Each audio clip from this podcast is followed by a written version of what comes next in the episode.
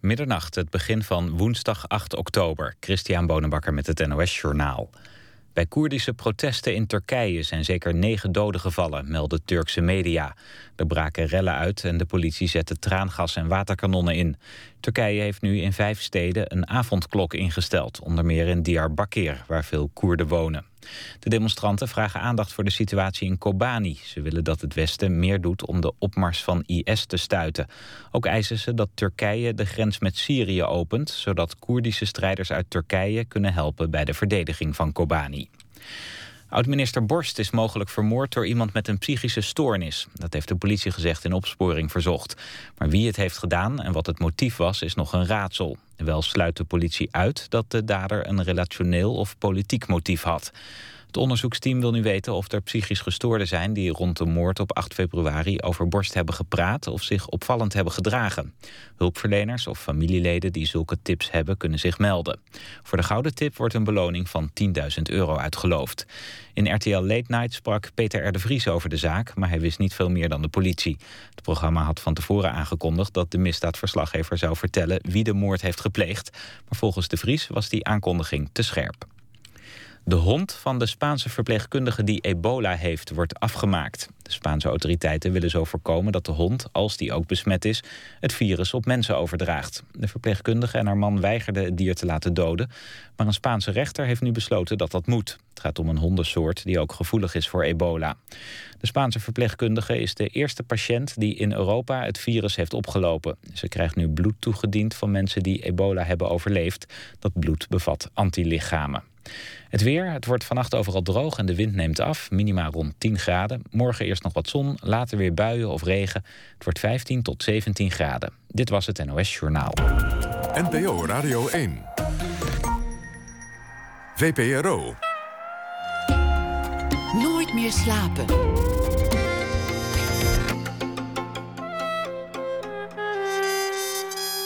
Met Pieter van der Wielen. Goedenacht. Het was een bron van vreugde vandaag. De aankondiging van de terugkeer van de legendarische serie Twin Peaks. Over de eeuwige terugkeer van zo'n beetje alles praten we na één uur. En een gesprek met dichter Yannick Dangre over zijn bundel met terugwerkende kracht. Ook na ene. En uh, een verhaal van Utjan Akil. Die uh, schrijft elke dag een verhaal voor ons op basis van de afgelopen dag. Maar we beginnen met Paul de Leeuw. Ik ben rustig heet zijn theatershow... waarmee hij tot het einde van het jaar in de theaters te zien is. En die op NPO 1 zal worden uitgezonden rond de kerstdagen. Dit is volgens mij een primeur, Paul. Nee, later wordt hij uitgezonden. Na de kerstdagen. Ja. Nieuwjaar. Nieuwjaar, maar hij komt op Hij televisie En, en vrijwel Of het nou bijvoorbeeld is voor de kaartverkoop, dat zou ik. we zijn er nog over, over in conclaaf of het uitgezonden gaat worden. In het echt is altijd leuker natuurlijk. Het echt is altijd leuk. En dan kan je het daarna terugzien eh, als je Ja. een stukje hebt gemist. Op televisie te zien dit najaar eh, bij RTL met de spelshow Rood Kapje. Paul de Leeuw is presentator, cabaretier, schrijver, zanger. Nog een aantal dingen. Werd eh, dit jaar 52 jaar oud. Heeft een lange en succesvolle televisiecarrière. Keerde twee jaar geleden terug met een one-man show in de theaters met zijn show Poephoofd. Welkom. Dankjewel. 52 is voor jou, want daar gaat, gaat het eh, programma eigenlijk ook over, is een beladen leeftijd. Omdat je altijd dacht dat 52 voor jou de max zou zijn. Dat Ja. daar- Altijd gedacht. Als kind. En dat is ooit binnengekomen. En dat is nooit, heeft mij nooit meer verlaten. En ik heb ook wel eens met mensen gesproken. waarvan iemand zei. Ja, ik heb het ook altijd gedacht. Om mijn 52 kreeg ik ook een pacemaker. Dus dan dacht ik, nou, dan moet er dus iets gaan gebeuren. wat er toch een eh, waarschuwing is. Maar tot heden is het nog niet gebeurd. Maar jij dacht 52, dan, dan Ja. tot, tot zover reikte jouw gedachten. Ja. Dus als iemand een, een pensioen kwam aanbieden, dan, dan waren jouw gedachten gewoon meteen verdwenen. Dat niet, maar wel. Nee, maar het is niet zo. het- ik heb het in mijn hoofd altijd gehad. En uiteindelijk, eh, je wordt ouder. Dus je komt er steeds dichter tegenaan te schuren. Maar ik heb natuurlijk ook nu twee kinderen. En ik heb een fijn, fijne relatie. en Ik ben al lang eh, in de weer. Dus ik zeg ook, ik ben, ben dat vergeten. Toen je kwam kijken in het programma. Ook, ik, vroeger moest ik nog zoveel. En nu heb ik veel. En eh, moet ik minder. Dus het doodgaan is, is een vervelend facet. Maar ik heb wel heel veel leuke jaren al achter de rug. Niet dat ik dood wil, helemaal niet. Maar, dus dat 52 kwam wel dichterbij. Maar ik heb wel, ben dan wel naar mijn arts gegaan, mijn huisarts, wat een hele goeie is. En haar wel verteld dat ik er hiermee zat. En toen zei ik, moet ik misschien in therapie? Toen zei ze, nou kom maar gewoon bij mij als je klachten hebt of klachten denkt te krijgen. En dan gaan we wel kijken hoe ver we ermee komen. Dus ik zit geregeld zit ik bij haar, echt wel. Ben eh. je, ben je dan een, een hypochonder? ja, maar ben ik altijd al hoor. Dat heeft niks met mijn leeftijd te maken. Hoe, hoe ver gaat dat? Nou ja, als ik iets voel, denk ik al dat het dodelijk is. Ik zag, ik zag een documentaire ehm, die over je gemaakt is een, een poos geleden. En dan zit je bij de make-up voor een, voor een tv-show. En dan, dan, dan, dan, dan zegt die, die visagie mevrouw ook, ook heel, Ja. heel verstandig vlak voor de, dat je zo'n eh, podium op moet. Oh, ik zie wel een vlekje op je rug, Paul. En dan zie ik bij jou de, stress toeslaan. Ja, het pigmentvlekje. Nee, dat, dat is het niet. nee, zo werkt het niet. Maar het is wel dat ik. eh, nou ja, dat op een gegeven moment heb je dan ergens last van. En dan ga ik gelijk naar de dokter. Om het ook te laten onderzoeken. Of ik wil dat. eh, ik had nu bijvoorbeeld last van mijn keel. En, eh, maar omdat ik het heb gezegd tegen mijn arts. Is het natuurlijk een stuk makkelijk om haar te bellen. En ik zeg, ik moet even op bezoekuur komen. Dan had ze geen tijd, dus ik kan wel het inloopuur doen. Dan moet je gewoon gaan zitten in de, op het gezondheidsplein. Want ik redelijk afschuwelijk vind het gezondheidsplein. Want mensen komen ook voor de fysiotherapeut. En jij, jij komt, en je gaat toch naar elkaar kijken op het gezondheidsplein. Van wat zou diegene dan toch hebben? Dus je, het is ook een Meer, soort... meer een soort ziektestraat in die zin. Zeker, zeker, zeker. En ehm, nou, ik kwam bij haar binnen en ik zei: Ja, ik, heb, ik wil eigenlijk, ik wil eigenlijk een, een filmpje van, van mijn keel en van mijn slokdarm. Eh, eh, toen zegt ze: Wat he- heb je dan? Ik zeg: Ik weet het niet meer. Ik voel het gewoon, ik flub, flubbert iets. Zegt ze: Zakt het dan weg? Of blijft het hangen? Nee, helemaal niet. Heb je daar last van? Nee, helemaal niet. Heb je daar last van? Nee, helemaal niet. Zegt ze: Zullen we dan een slikfoto maken? Dan ben ik al heel happy. Een slikfoto is dat je dan een, drinkt een drankje, dan maken ze röntgenfoto's. En ik zat bij een ongelooflijk li- aardige arts of specialist. En die heeft het allemaal onderzocht. Die zei, nou, er is niks aan de hand. U hebt helemaal niks. Althans niet wat wij kunnen zien. Ja, dan ben ik toch blij dat ik geweest ben. Stel nou, want, want die gedachte die moet dan, als, als het echt zo is dat 52 voor jou zo'n belangrijke leeftijd is, dan, dan moet die gedachte ook wel misschien op, op een serieuzer niveau lang zijn gekomen. Wat als dit het was? Ja, ja, nou Wat ja. als dit mijn leven gewoon was? Want het, het gebeurt natuurlijk gewoon elke dag dat, dat iemand. Ik, ik- vorige week Ivan Wolfers en die, Ja. die had zo'n gesprek. En toen zei, toen zei de dokter van meneer Wolfers: het, eh, het wordt niet meer beter. Dat, ik bedoel, het kan gebeuren. Kan la- laten we ervan uitgaan dat het niet gebeurt. Maar ik neem aan dat als het echt zo'n belangrijke leeftijd voor je was, dat die gedachte wel eens langsgekomen van wat als dit het was, mijn leven. Nou ja, daar gaat natuurlijk ook het programma een beetje over. Van wat laat je achter, wat, wat wil je nog doen? Ik heb geen eh, to-do-list of bucketlist, maar... Er, zit, er is wel een ander aspect bijgekomen. Dat ik natuurlijk twee kinderen heb die gewoon in een leeftijd zitten... dat ik nog helemaal niet weg kan en niet weg wil. Dus dat, dat, dat, dat, als het, alleen, als het alleen over jezelf gaat, nou ja, dan is het gewoon jammer. Maar nu, nu heb je ook verantwoordelijkheden. Ja, en ook mijn man toe. Maar de kinderen zijn iets belangrijker omdat ze jonger zijn... en nog echt je nodig hebben, denk je dan. Dus het is wel iets minder geworden. Maar ja, het, is wel, het, het, het feit is wel dat als het gebeurt, gebeurt het. En ehm, ja, weet je, ik, ik dacht ook, als ik ziek word, ga ik weg. Ga ik heel lang weg. Of, maar dat, dat is allemaal als wat. En het is natuurlijk voor de mensen die er wel mee zitten... is het natuurlijk na om dit te horen van mij. Want ik heb helemaal niks. Dus het is een gedachtegang. En ik, moet, ik betrapte me vorige week op dat het al een half... We zijn nu een half jaar verder. Ik heb nog maar een half jaar te gaan. Dan word ik 53. En dan denk ik wel dat ik een enorm, enorm feestje ga geven. Dus het wordt, we, gaan, we naderen wel die, eh, die, die eindstreep van eh 53 jaar. Nou ja, jij zegt misschien is het niet eerlijk naar de mensen die wel wat hebben. Maar aan de andere kant realiseren heel veel mensen die wel iets hebben. of die iemand in de omgeving hebben die iets heeft. van goh, een hoop mensen vergeten nog wel eens hoe eh, vluchtig het allemaal is, het bestaan. Ja, dat, dat is een feit. Ja. En die urgentie nou, is misschien helemaal niet zo slecht als je een hypochonder bent. Om, om dat ook wat meer voor in het hoofd te hebben. Nou ja, ik, ik, ik ben nogal. eh, eh, Mijn karakter, ik ben, ik ben nogal vrij blij, een blij mens. Een blije eikel net niet, maar ik ben toch wel redelijk altijd wel blij en tevreden. Ook dominant en ook veel eisend en ook lastig voor mijn omgeving. Maar ik, bedoel, ik kan ook wel vaak gelukzalige momenten hebben. Dat, dat heeft niet met me twee, maar gewoon in het algemeen. Dus ik ben nogal een vrij positief ingesteld mens. Dus het is niet dat ik gedoemd door het leven ga. Ik denk, oh, als ik nu. eh, ik, ik betrap me er wel op dat ik, dat ik eh, minder hard rij, bijvoorbeeld in de auto. En dat denk ik, dat heeft toch daar een klein beetje mee te maken, denk ik. Toch dat ik denk, ja, als ik die bochten te scherp neem, dan kan ik er misschien wel, eh, kan ik wel kantelen. Dus ik denk dat dat toch mee te maken heeft van dat heeft toch niet 52e levensjaar te maken. Gaan luisteren naar een klein stukje van, van wat je nu op televisie aan het doen bent bij RTL. ehm, de show Roodkapje.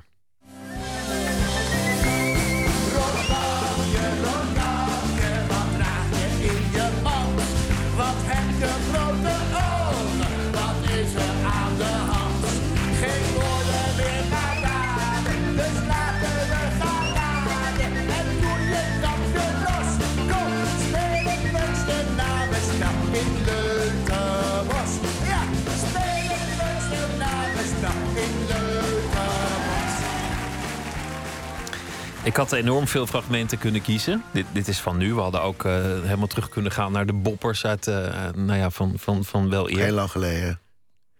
Kijk, hoe kijk jij terug op, op je, op je tv-carrière? En, en als, als, nou ja, als dit is hoe je herinnerd wordt. Als mensen zeggen, Paul de Leeuw, oh ja, rood kapje. Nee, dat zal, niet, dat zal het niet zijn, denk ik. Het is wel dat dit bij- bij jonge mensen heel erg aanslaat, dit, dit programma. Ik ben natuurlijk heel jong begonnen. Hè. Ik was 21 of 22 toen ik eh, begon bij een kinderprogramma van de NCV Snelbinden. eh, onder regie van Hansje Kwartel, die me echt ontdekte. En later ben ik dan door sterrenslag eigenlijk bekend geworden, of groot geworden. Eh, Joop van den Ende eh, produceerde dat. En die bracht me ook mee in het Efteling Theater, in het stadion. Want het werd in de Efteling opgenomen, Sterrenslag. was zo'n was zo'n show met sterren die allemaal moesten sporten en zo. Ik was een soort, eh, ja, een soort presentator. En ehm, hij zei tegen mij echt letterlijk van... kijk, al die mensen kennen je niet en over drie weken kennen ze je allemaal. En drie weken later inderdaad hingen er spandoeken met leuzen die ik dan had geïntroduceerd als meneer Van Heumen, ik ben er klaar voor. Wist ik niet dat gewoon de produce- producer dat zelf had geschilderd. Dus dat was allemaal geproduceerd.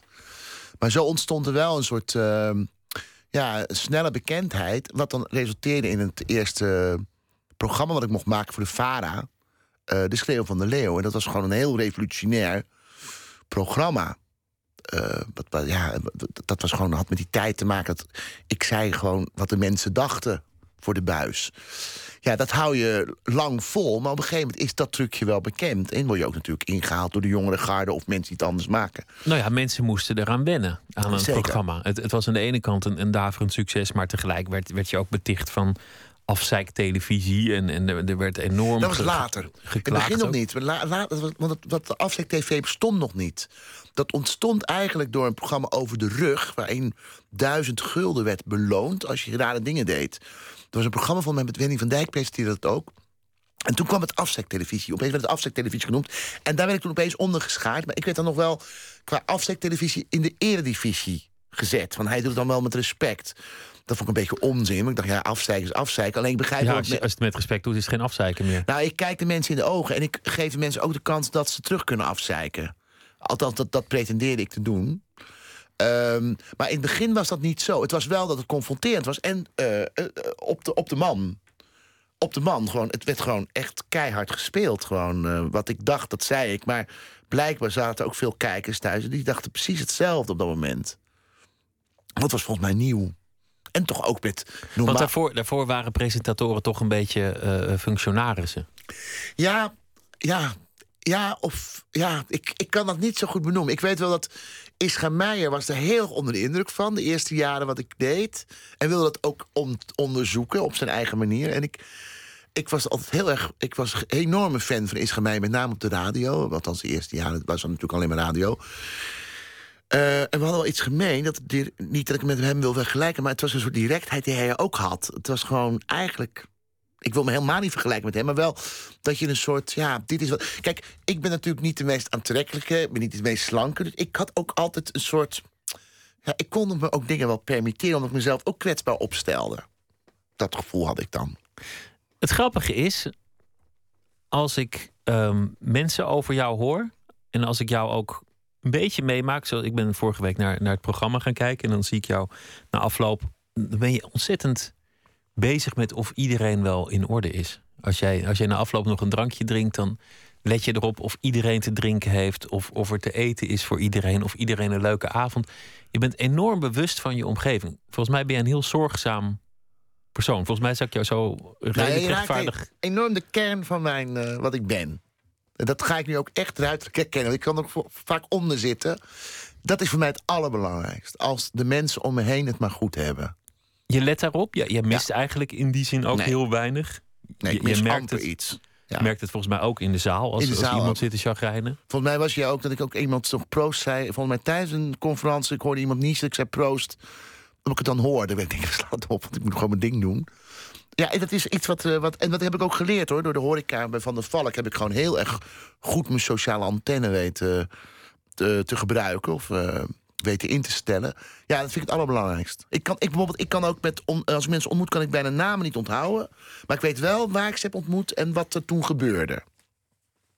Dan heb je een moeilijk beroep gekozen. Als je enorm bezig bent met je omgeving, met wat iedereen doet. Ten eerste omdat het grote shows zijn, omdat er veel aan de hand is. En jij moet je concentreren. En er gebeurt overal. Iemand zit met zijn kabel te frutten, iemand is met het licht bezig. Dat is één kant. Maar aan de andere kant ben je dan eigenlijk heel kwetsbaar als je met je omgeving bezig bent. Ja. Ja. Ja, ik vind het ook wel weer een, een voordeel omdat je alles ziet en alles. Het is ook lastig voor mijn omgeving. Want omdat je alles ziet en alles in de gaten hebt, is het ook lastig eh, om dan aan misschien aan mijn eisen te voldoen. Eh, ik heb, ben ook wel iemand die zegt: ik kan, kan het maar beter allemaal zelf doen. Dat is natuurlijk onzin. Maar dat, soms kom, je, dat, gevoel heb ik wel eens. Ik kan, kan het maar beter allemaal zelf doen. Wat natuurlijk onzin is. Maar ja, ik vind het ook wel. Je maakt je ook kwetsbaar, want, want je leest ook alles, je ziet ook alles, je voelt ook alles. En toch zou ik het niet anders kunnen. Of ik kan, ik kan me niet afsluiten voor iets. Dat kan, dat kan, lukt me gewoon niet. Maar als iemand iets onaardigs over jou zegt, nu hadden we het over afzeiktelevisie, dat was dan een, een verwijt van lang geleden. Een aantal jaar geleden tijdens die documentaire is er een moment dat Sonja Barend, en het was volgens mij niet heel kwaad bedoeld van haar, Vara-collega, die zegt aan tafel bij de Wereld Draait Door, Paul de Leeuw moet eens een jaartje rust nemen, nadenken, even niet op tv komen. Ja, die, Dat, dat was- kwetst jou was tot een mokerslag. Maar dat was toen, hè. Want ik heb dat ook wel eens uh, uh, gezegd later. Van, ja, ik, was gewoon, ik zat gewoon heel erg slecht in mijn vel. En ik wist het allemaal niet meer wat ik nu moest doen. En dat, eh, dan, dan, dan, dan hoor je de dingen gewoon ge- gekleurd. Eh, het was helemaal niet onaardig bedoeld. Alleen het kwam bij mij gewoon keihard binnen. Ja, Omdat zij moet weten hoe het is, want zij kent die druk. Er zijn natuurlijk niet veel mensen die, die op, op dat niveau televisie maken met zoveel kijkers op die beladen zaterdagavond. Dus je had misschien van haar verwacht dat ze het wel zou begrijpen hoe dat voor jou zou aankomen. Nou, het speelde al een tijdje. Want er was al een tijdje aan de gang dat er was een soort eh, algemene teneur van hij moet er maar mee ophouden, want we hebben het nu al gezien. Nou, dat kan je wel zeggen, maar dat doe ik nog niet. Dat, dat, eh, dat heb ik nog geen zin in. Dus je gaat steeds zoeken naar iets nieuws. Of, en ik was er net een beetje aan het uitkrabbelen. Dan begin ik mijn eigen vorm weer een beetje te krijgen. En toen kwam de opmerking van Sonja. En nogmaals, eh, die is echt twee jaar later, heb ik al een jaar later gezegd, het ontzettend uit zijn perspectief, uit zijn, eh, uit zijn context gerukt door mij. Of althans, ik het anders geïnterpreteerd. Ehm, maar ja, toen dacht ik, ja, ik ben nu bezig, me een beetje. Het gaat mij niet om zo'n incident, want dat, dat, dat is misschien meer iets voor de, voor de privépagina van, van de Telegraaf. Maar het gaat me, wat mij interesseert is dat iemand die zo verzorgend is en zo bezig met zijn omgeving, die zich in zo'n arena begeeft, beroepshalve. Want dat kan je wel stellen. De, de zaterdagavond, de miljoenen shows, de, de televisie, per definitie, dat, dat is toch een arena Ja, waar je in werkt. ja.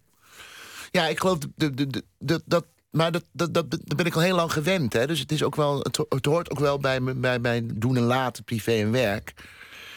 Ik ben daar privé ook best wel, ook wel eh, streng in. Van dat ik nooit op foto's ga met mensen als ik met mijn gezin uit ben. Of ik ga sowieso niet vaak op foto's met mensen... omdat ik niet weet waar ik dan uiteindelijk terechtkom. Welk, met die foto, wat gaat er met die foto gebeuren?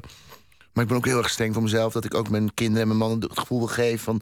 ik heb een werkkant, maar als ik bij jullie ben, ben ik gewoon echt privé. En wil ik dat ook niet delen, met, wil ik ook dat gescheiden houden. Ben je dan redelijk hetzelfde persoon of, of Ja. zit daar verschil in? Nee, ik ben eigenlijk wel... Ik ben rustiger. Nou, ik ben altijd wel rustig, maar... ja, ik ben wel dezelfde persoon. Ik geloof niet dat mensen... dat ik heel anders ben.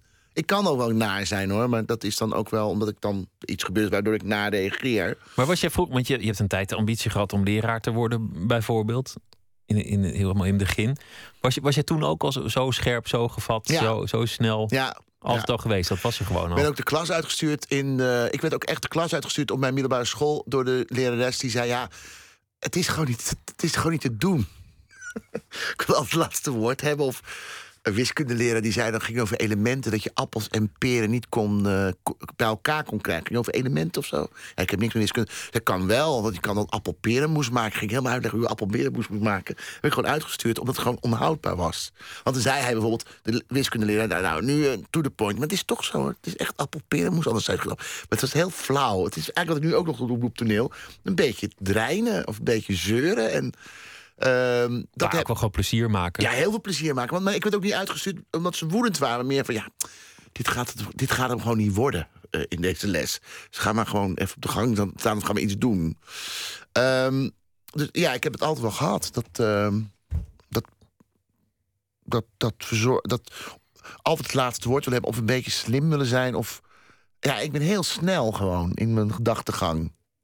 En daaronder toch ook heel kwetsbaar. Dat Ja. is grappig, want je, je lijkt daardoor minder kwetsbaar, maar volgens mij valt dat allemaal mee. dat is echt niet zo. Nee, dat, is, dat, dat valt, eh, ja. Ja. Want dat is ook wel, ik vind het ook prettig hoor. Want ik, ik kan wel, ik, soms dan denk ik van, man, eh, waarom je zo, eh, ben je zo kort of ben je zo boos? Of denk je van, oh, of raak je, voel je je zo gekwetst? Ik, man, maar het kan niet, ik kan niet anders. Maar ik denk ook dat dat ook wel een deel van mijn succes is. Of het deel van dat ik het zo naar mijn zin heb in de dingen die ik doe. Als je ook in een zaal zit, ik voel ook, eh, ik heb nu een soort huiselijk programma. Dat is, het speelt zich af in mijn huiskamer met een keuken en een bank en zo. En dat heb ik heel, hebben heel goed over nagedacht met, hè, met regisseur Ruud Wijsman en mijn hele creatieve team. Ehm, ik heb het gevoel echt dat mensen denken dat ze twee uur bij mij in de huiskamer zijn. En dat is echt niet makkelijk om te doen. En toch ehm, ben ik, ik, elke avond als ik speel, denk ik van, dit is toch een fantastische voorstelling om te doen. Eh, Mensen voelen zich, ik, ik heb de voorstelling gezien, mensen voelen zich alsof ze de gast zijn. Tegelijk zijn er ook grappen die ze alleen van jou zouden pikken, volgens mij inmiddels. Misschien voor een deel omdat ze aan je gewend zijn, maar ook, ook een deel omdat ze wel zien dat daar ook een kwetsbare man zit. Omdat je ook jezelf niet te serieus neemt. Nee, nee maar gewoon, dat dat ook wel de kern is van de dingen die ik doe op tv of in theater. We gaan luisteren naar eh, muziek op gezag van eh, Lotje IJzermans, die elke dag voor ons eh, muziek uitkiest. En vandaag komt ze aan met Macy Gray, First Time.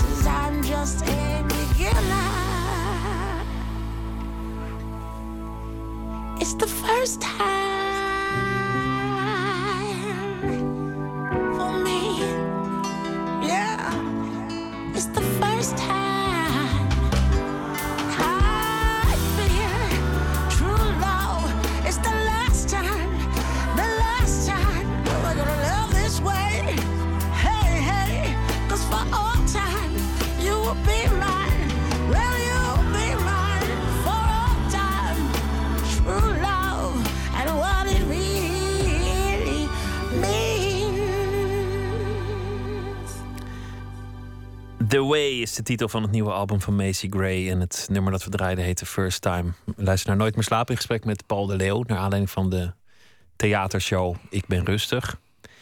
Wat is eigenlijk in essentie jouw talent? Want je, je zei, ik ben al- altijd heel scherp en, en snel. Of dat zei ik. Jij zei, ja, maar mensen zien ook dat ik mezelf eh, kwetsbaar opstel. En daardoor voelen ze zich thuis. Maar, maar als, als je jouw talent zou moeten vatten, dat, dat is nog best ingewikkeld. Ja, Het is wel duidelijk inmiddels dat, dat, er, dat je een, bijzonder talent hebt. Maar wat het nou precies is, ja.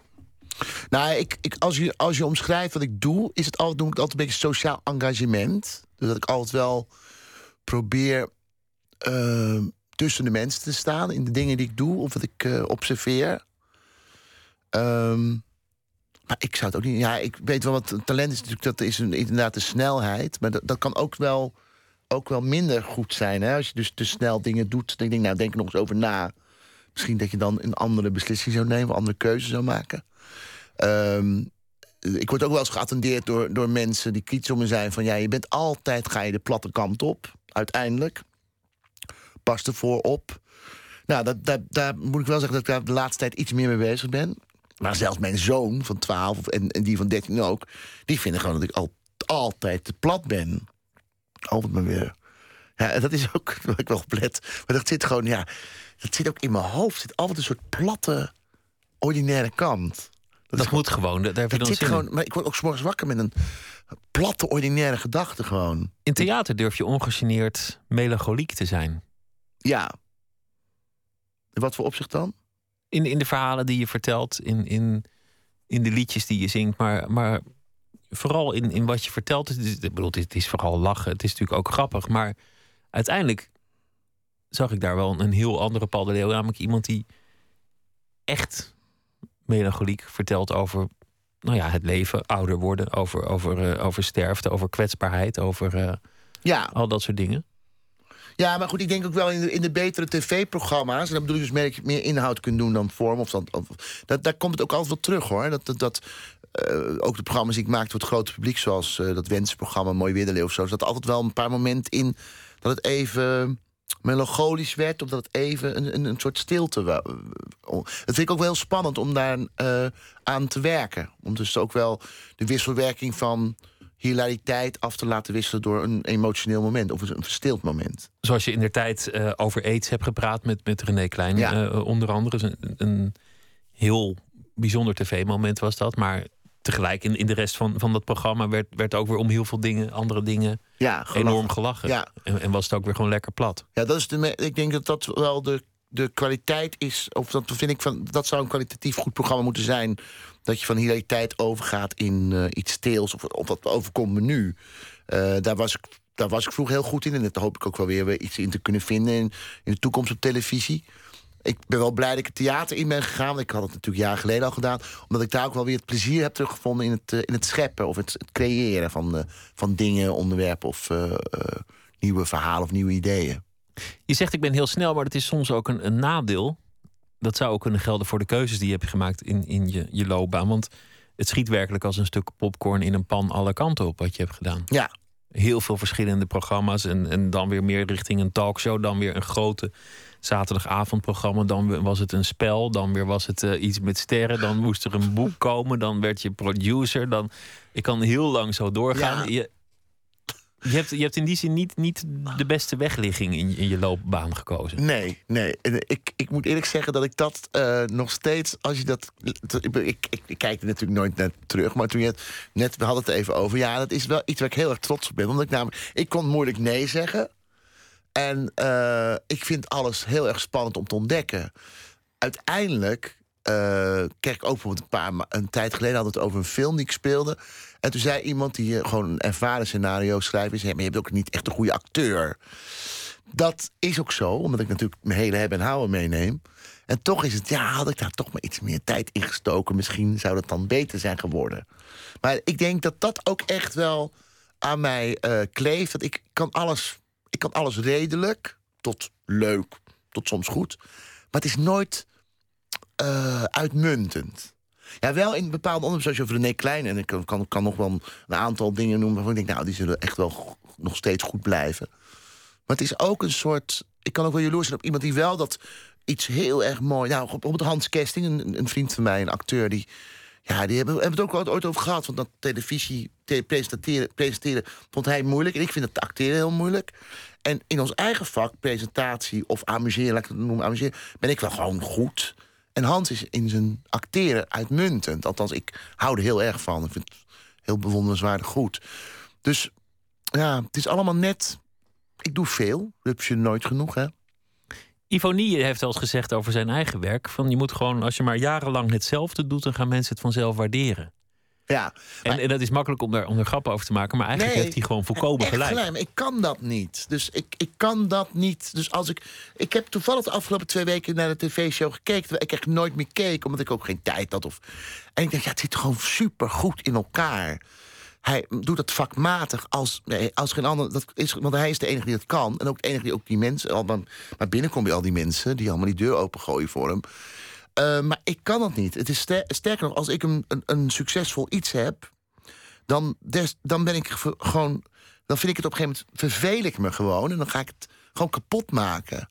Dat is ook door twee mensen ooit beaamd. Dat is eh, Cornel Maas, mede-presentator en ook vriend en ook criticus van mij. En ook eh, eh, Vera Keur, de vroegere mediadirecteur van de VARA. Die zei, nou je kan best nog twee jaar door met het programma. Ze, nee, ik moet echt stoppen. En dan wist ze ook van, als, ik nou, als ze nou zegt, je moet nog een jaar door... dan ga ik het gewoon kapot maken.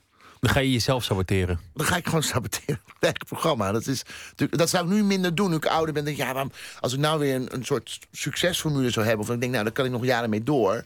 Wat ik overigens van Roodkapje bijvoorbeeld vind... dat vind ik echt een programma dat je nog verder kan uit, eh, uitbreiden. Wat ik bij RTL heb gemaakt en dat nu alweer een week geleden gestopt is. Ehm, maar dat gaat, gaat ook voor een komend programma... waar ik heel erg mijn tanden in ga zetten. Is een programma over pubers en hun slachtoffers op tv. En het gaat lekker in de marge. Dus op Nederland 3, op zaterdagavond tussen 7 en 8. Dus helemaal uit die grote Nederland 1 eh publiekskijkdoos. en dat vind ik, daar verheug ik me enorm op. Omdat ik denk, dat is weer iets nieuws om te maken en te creëren. Maar dat rupsje nooit genoeg, zoals je jezelf noemt, is dat, is dat ook een kwestie van ego? Ja, nou ja, dat, dat, dat, eh, dat, dat moet het toch wel zijn, denk ik. Zo denk ik er zelf niet over. Maar ja, dat, dat lijkt het toch wel te zijn. Nou, ja, ego is niet slecht, dat, dat brengt mensen tot grote dingen. Maar volgens mij, om, om op tv te willen, moet je een zekere mate van ego hebben. Anders dan ren je daar waarschijnlijk gillend van weg. Nou, dat geloof ik niet. Want dan zou, dat, dat, ik zie wel mensen op tv die denken... nou, hadden ze maar iets meer ego, dan, dan zou je er ook naar kijken. Dus ik vind dat... Dan waren ze leuker om naar te kijken. Nou ja, sowieso interessanter om naar te kijken. Ja. Er zijn natuurlijk mensen die gewoon binnenkomen en ze vissen iets aan elkaar te bakken. Het zijn ook op dit moment wel meer de programmaleiding of de managers die bepalen dat op tv moet komen, dat het uit de, de presentatoren zelf komt.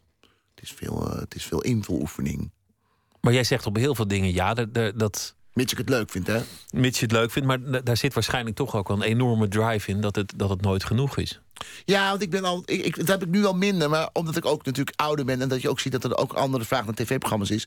Ehm, eh, dat, kijk, toen ik begon heel jong, keek natuurlijk ook een beetje neer op de oudere garde. Van ja, dat, dat, dat doen wij anders. En ik begrijp ook wel dat de jonge generatie natuurlijk naar ons ook, naar mij zo kijkt. Van ja, zo zou ik geen programma's meer maken. Ik zie wel dat, dat dingen, dingen van, die ik ooit heb gemaakt, zie ik terug in andere programma's. Denk, nou, dat, is gewoon ontzettend goed geëvalueerd. Het is gewoon. En het is weer 15 jaar verder. Dus wat ik bijvoorbeeld voor de verstandig gehandicapt heb gedaan, dat zie je nu Join de Mol op een fantastische manier doen. Moet je ook helemaal niets over zeggen, want het is heel goed. En niet denken, ja, dat heb ik ook al gedaan. Dat heb ik nog nooit op die manier gedaan. Want nu gaat het gewoon. Het gaat nu echt gewoon alle kanten op. Ze, ze, ze, maken verwezenlijk gewoon dromen van verstandig gehandicapten. Wij, wij het al een enorme eh, prestige vonden om een verstandig gehandicapte gewoon in een normaal publiek, in een normale entourage, gewoon zichzelf te kunnen laten zijn.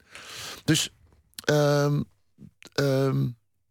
dus ik wilde alles wel doen. Ik vond alles ook spannend om te doen. Met, als ik dacht van nou, daar valt, wel, daar valt wel iets uit te halen. Of er valt wel iets goeds te maken. Maar net zei je, ik ga nu een programma maken over pubers en hun, hun slachtoffers. En ik ben blij dat het niet in die, in die kijkcijferdoos nummer één is, in die, in die grote publiekskijkdoos. Ik vind, ik vind het fijn dat het wat marginaler is.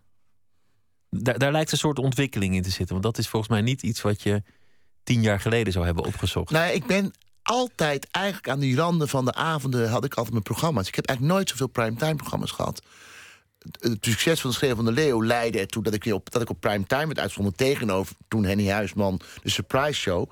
Maar daarna heb ik altijd, ik heb eh, een soort late night talkshow gehad drie keer in de week. Gewoon om kwart over elf, s'avonds laat, dus de tijd van Pauw nu. Ehm, ook andere programma's, altijd toch op de randen, nooit op die prime time. Doordat Jack Spijkerman ooit wegging bij de VARA naar, eh, of naar Talpa toe... kwam er een gat vrij op eh prime time op zaterdagavond. En dat heb ik toen eh, ingevuld. Met, met zes seizoenen Mooi Weer de Leeuw. Voor heel veel mensen is dat bijna een soort, soort verpiswedstrijd wie de hoogste kijkcijfers heeft. En in, TV, ja, in de tv-wereld is dat, is dat volgens mij iets heel belangrijks. Af en toe heeft het ook een beetje iets kinderachtigs. Van de ene 1,2 miljoen, de ander 1,3 miljoen. Persoonlijk denk ik dan, eh, ga, ga iets doen met je tijd. Als je, maar, Ja, ja, maar, ja, nee, ja, maar het is ook wel. Ik, ik vind het leuk van kijkcijfers om, te ana- om, om te zoeken en om te analyseren. Waar, waar gaan die kijkers naar kijken en waar gaan ze weg en waar zit dan waar het zit gat? het, het dipje in de Het grafiek? dip- nou, de grafiek niet. Want de grafiek, dat, is ook, dat heeft ook echt absurde vorm aangenomen, Pieter. Dat je, ook, je kan met analisten ook praten hier. Dan gaan ze zeggen, ja, in een dramaserie... als je aankomt gereden met de auto... je doet licht uit van de auto, verlies je kijkers. Absurd. Ik ken het verhaal van, van een, een, eh, een verslaggever die te horen kreeg van de directie van een omroep. Jij bent het zetmoment. Elke keer als jij in beeld komt, dan, dan- gaan ze massaal naar het andere net. Er is wel één ding wat ik wel zelf ervaarde met Late Leeuw. Toen deden wij aan het einde van het programma altijd artiesten. Die traden op. En wij namen het altijd om een uur of zes op. En dan hadden we daarna een dinertje of een drankje. Dan gingen we naar huis. Dan gingen we om kwart over elf thuis kijken. Het viel mezelf op dat ik heel vaak om tien voor twaalf... als de artiest verscheen, dat ik zelf ook in slaap was gevallen. Dus ik dacht, ja, dat klopt. Als je zelf als host in slaap valt... dan is er toch iets mis als je eindigt met een, een lied... of een, zanger of een, zangeres. Toen uiteindelijk... eh, en dat was wel een goede analyse van de kijkcijfersanalisten. Die zeiden, ja, je moet bij het aankondigen van een artiest... niet zeggen, dit was het, tot slot die en die artiest. Maar je moet zeggen, deze, deze artiest. En dan ga ik eens even laten zien wat voor appeltijd ik heb gebakken, bij wijze van spreken. Waardoor je dus de kijker laat hangen, of laat blijven kijken. De artiest zien we, en dan komt er aan het einde nog een klein toetje. Nou, dat was wel, dat was wel Zo'n afsluiting, daar zit, daar zit al een setmoment in.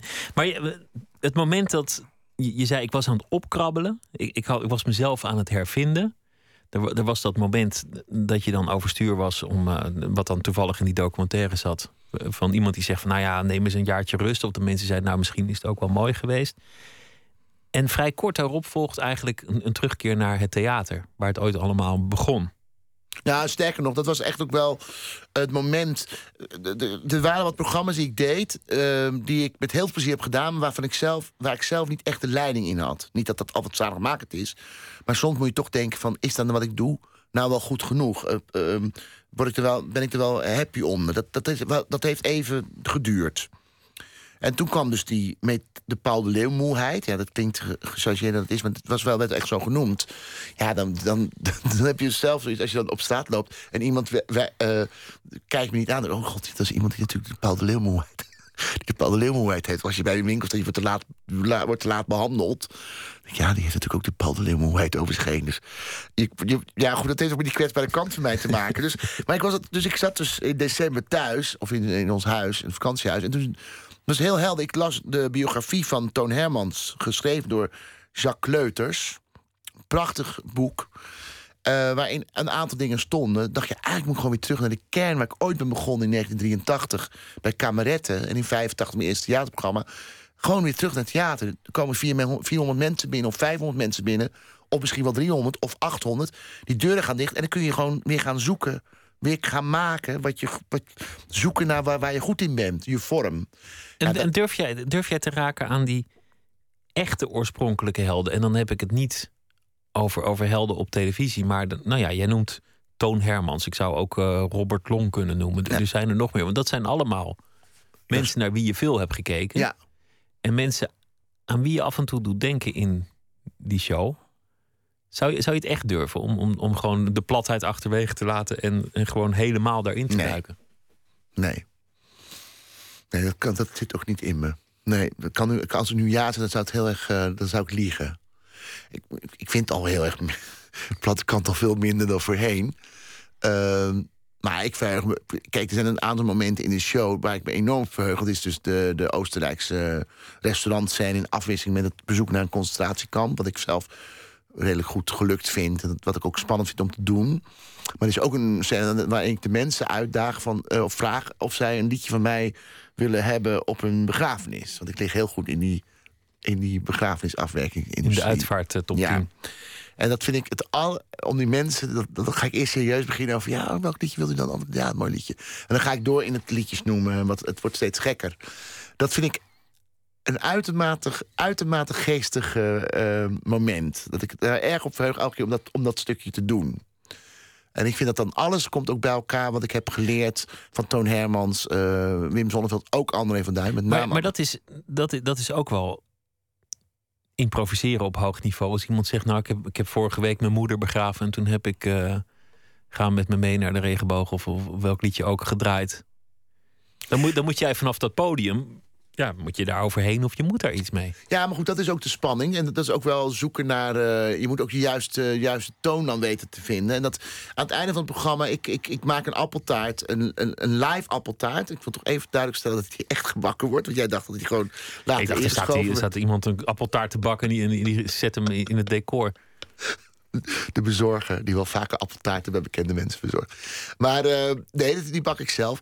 En eh, die, ruik je ook in de zaal. Dus echt door, die, door, door, dat hebben we dan geregeld een goede, goede, goede, goede oven. En die geven dan aan het einde van de voorstelling weg aan iemand die daar een belangrijke reden voor heeft. Dat is echt tien minuten lang. eh, nou, dan moet je gewoon goed kunnen schakelen en goed dingen kunnen doen. Maar vandaag was er een meisje, Marjolein. Ik stond vanavond in Tilburg.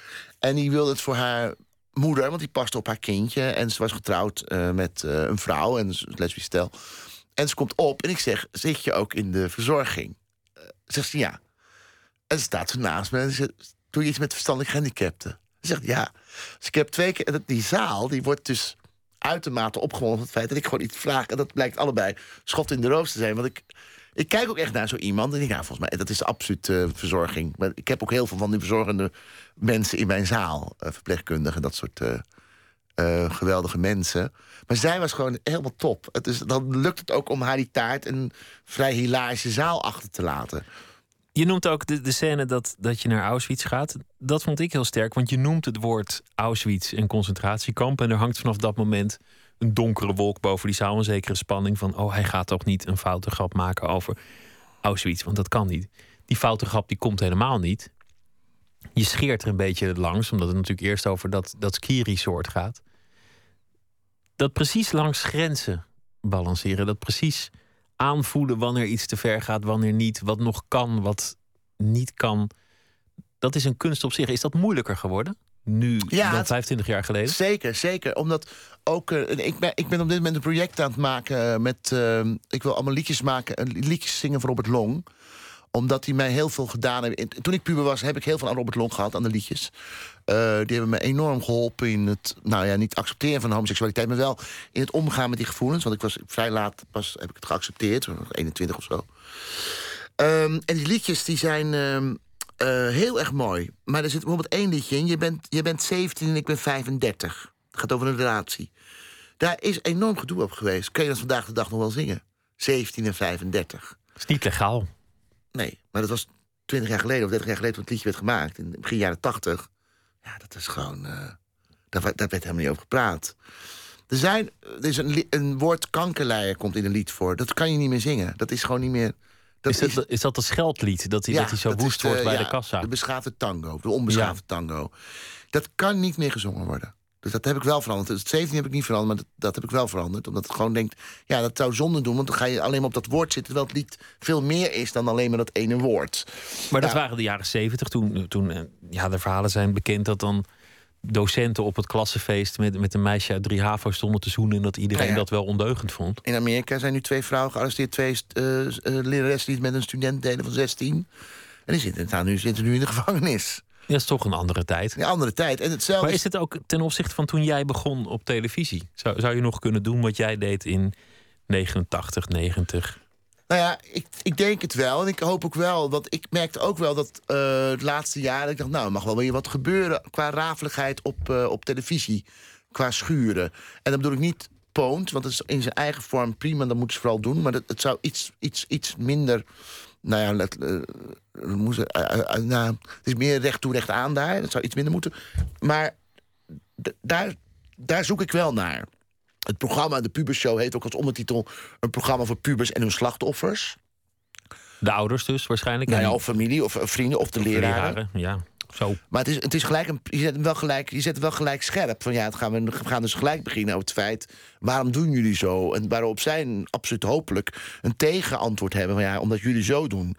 Dus we zoeken ook echt wel naar een soort confrontatie. Dus de vraag is, zou je de dingen die ik in, in de jaren 80 of 90 gemaakt... nu weer maken? Dat zou wel kunnen, maar het moet toch anders. Mijn zoons hebben pas een, eh, twee maanden geleden een programma gezien. Ik heb ooit de mini-playback op de hak genomen. De Soundmix Show, mini-playback show... door een jongetje Gordon te laten nadoen. Dat was een vriendje, een vriendje van mij, of een neefje van Hanneke Groenteman... die ik heel goed kende. Het goed uitvoerig gerepeteerd. En het zou dus een soort schok moeten teweeg brengen... van eh, hoe wij met kinderen omgaan... en hoe, hoe we bezig zijn om, om, om die kinderen maar te laten presteren. Nou, dat he- he- heeft ingeslagen als een bom. Ik moest ook met zes uur journaal komen bij de directie van de vader... want iedereen ja, die trapte erin. Het was allemaal geanceneerd, maar hij zong heel vals. En ik ging daar keihard op in. Van, nou, als, ik, als ik je vader was, had ik nog meer tanden uit je bek geslagen... want hij had wisseltandjes. Nou, uit, mijn zoons zien dat, die zijn dus, waren toen 11 en 12... die vonden het verschrikkelijk. Maar ik legde ze uit, ja, nee, maar het is allemaal geanceneerd. Het is, het is van tevoren bedacht. Zo ga je toch niet met kinderen om? Daar viel ook niet met hun over te praten dat het geanceneerd was. Dus die tijd is toch wel echt wel veranderd. Dat kan ik me niet meer, dat kan ik me helemaal niet meer veroorloven. Kun je je voorstellen dat, dat, dat je zoons, want dat, dat staat voor de deur, puber worden en dat, dat ze zich tegen jou gaan Ja. afzetten? Ja. Zoals jij eigenlijk altijd, ehm, nou ja, gereld hebt, dat, dat ineens iemand jou als autoriteit ziet en, en zich tegen jou verzet. Ja, ik denk dat afzetten minder wordt, omdat pubers hebben een enorme uitlaatklep. Dat is natuurlijk de WhatsApp en dat is de sociale media. Je bent eigenlijk nooit meer alleen als puber. Ik, weet niet, jouw puberteit, maar ik, was, ik voelde me heel vaak alleen thuis. Want eh, als je belde, dan zat je gewoon in de woonkamer aan die bakkeriete telefoon te hangen.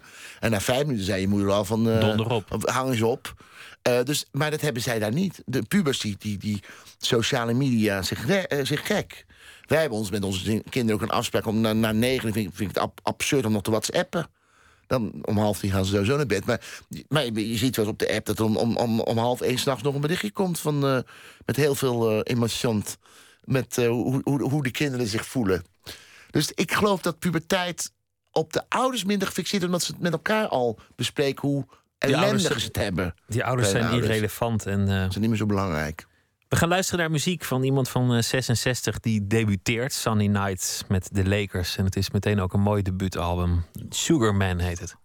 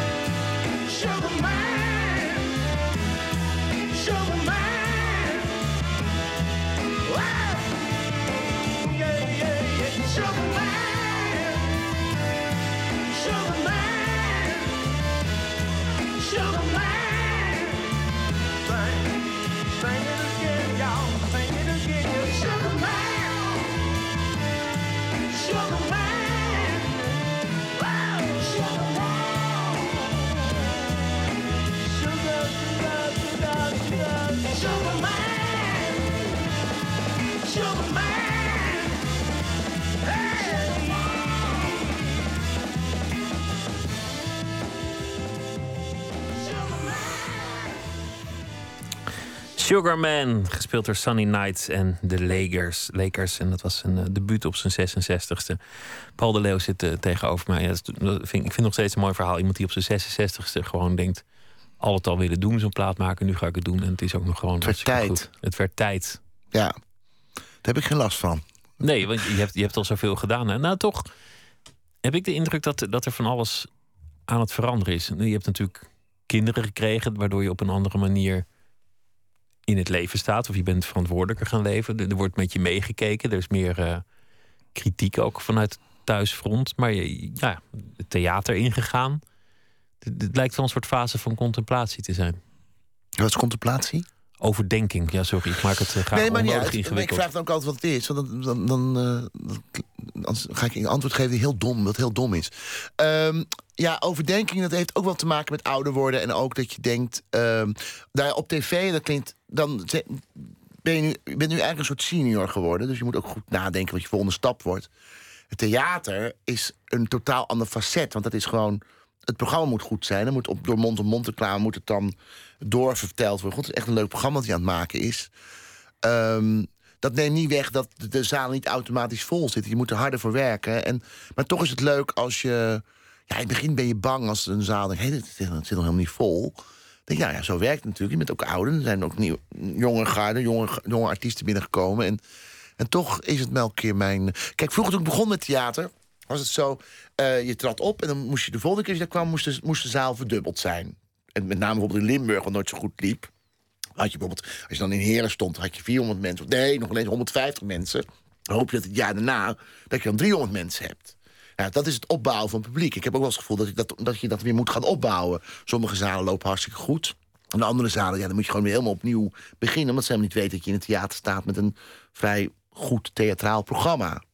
Als je denkt, Paul de Leeuw zit in het theater, kunnen ook mensen denken... ja, dat wordt er waarschijnlijk weer met een vlaadip, vlaabak... en misschien Bob de Roy en Annie of uh, Ordinaire Grap. Terwijl het toch meer is dan wat ik maak. En dat is met over. Dat, als je over overdenken hebt, of contemplatie, dan uh, uh, is dat. Want mijn volgende stap kan niet zo'n persoonlijk getint programma meer zijn. Ik heb nu twee gemaakt.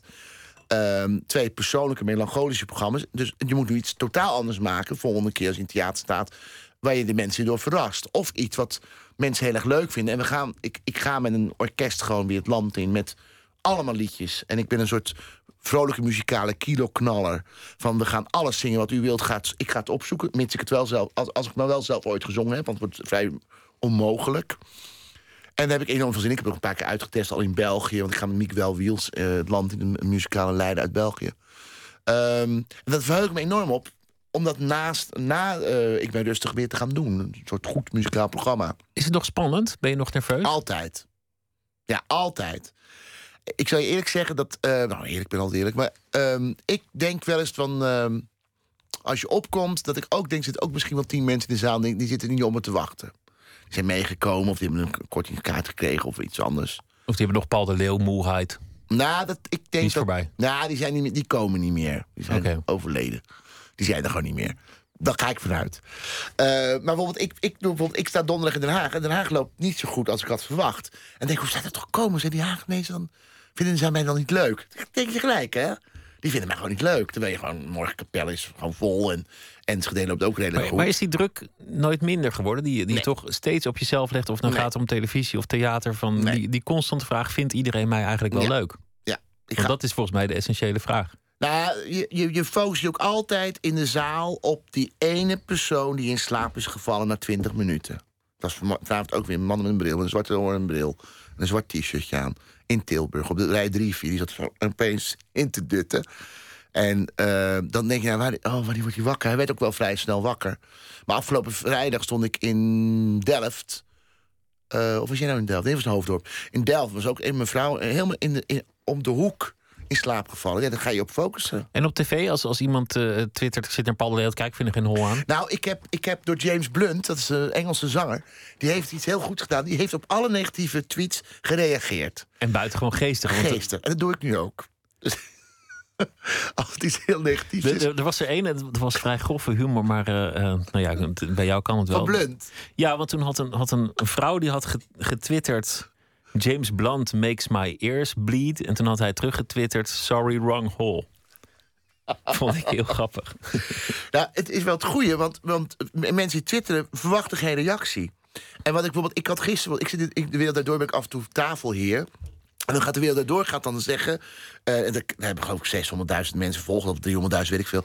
Paul de Leeuw is tafelheer. Dan krijg ik dus als antwoord. Oh, de, een goede reden om niet te kijken. En dat, dat, dat, dat, Maar dat trek je je aan. Nou, Nee, dan sturen ze naar mij toe. Dat antwoord ik van nou, ik zit er 20 oktober ook. Dus hou die datum eh, vrij voor jezelf. Dat vind ik dan grappig om te doen.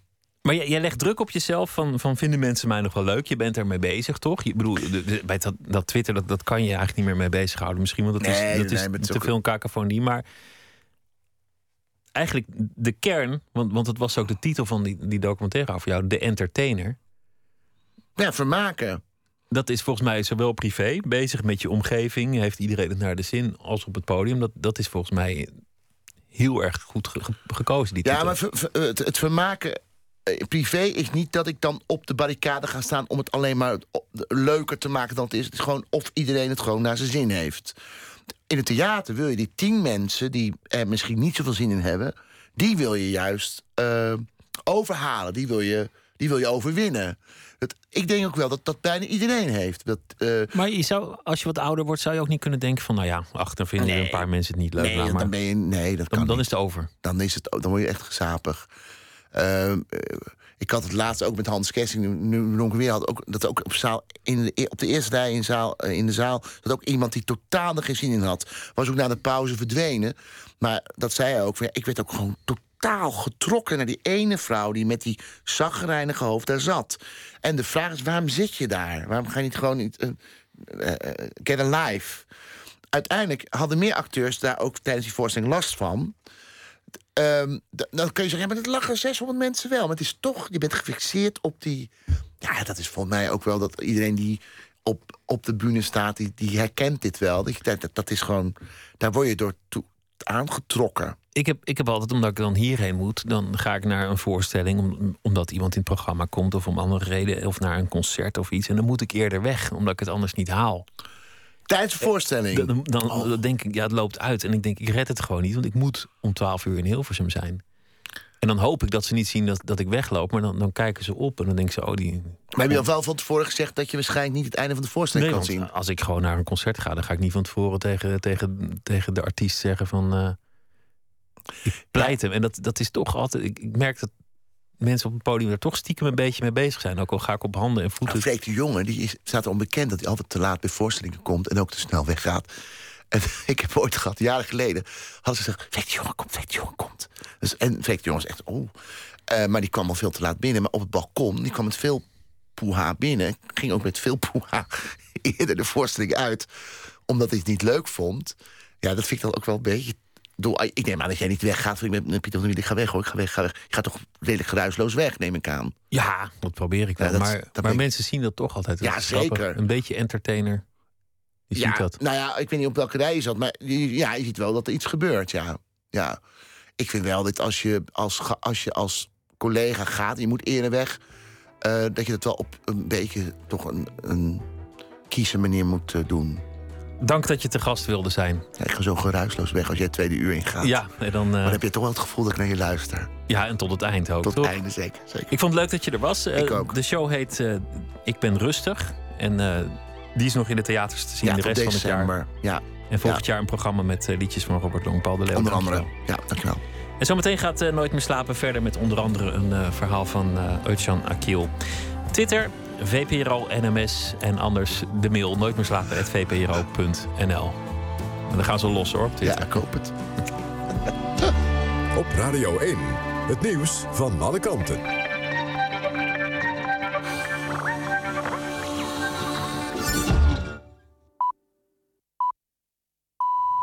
1 uur, Christian Bonenbakker met het NOS Journaal. Het is nog maar de vraag of de Syrische stad Kobani in handen valt van IS. Dat zei defensietopman Theo ten Haaf in het tv-programma Pauw. Gisteren waarschuwde de Turkse president Erdogan dat Kobani bijna gevallen is. Maar volgens ten Haaf is de strijd nog in volle gang. De strijders van IS staan aan de randen van de stad... en het moeilijkste gevecht moet nog komen. Luchtaanvallen op IS snijden de verbindingsroutes af. En daardoor kunnen de jihadisten in de problemen komen. Ze moeten ook gewoon eten en ze hebben munitie nodig, zei de Nederlandse topmilitair. Hij ging ook in op de drie bommen die Nederlandse F-16's gisteren hebben afgeworpen in Irak. Eén daarvan is niet ontploft, die ligt nog in het zand. De andere twee hebben voertuigen van IS geraakt. En daarbij zijn volgens Ten Haaf mogelijk 8 tot 12 jihadisten gedood. Bij Koerdische protesten in Turkije zijn zeker negen doden gevallen, melden Turkse media. Er braken rellen uit en de politie zette traangas en waterkanonnen in. Turkije heeft nu in vijf steden een avondklok ingesteld. Onder meer in Diyarbakir, waar veel Koerden wonen. De demonstranten eisen onder meer dat Turkije de grens met Syrië opent... zodat Koerdische strijders uit Turkije kunnen helpen bij de verdediging van Kobani. Na de uitzending van Opsporing Verzocht heeft de politie 150 tips binnengekregen over de moord op oud-minister Borst.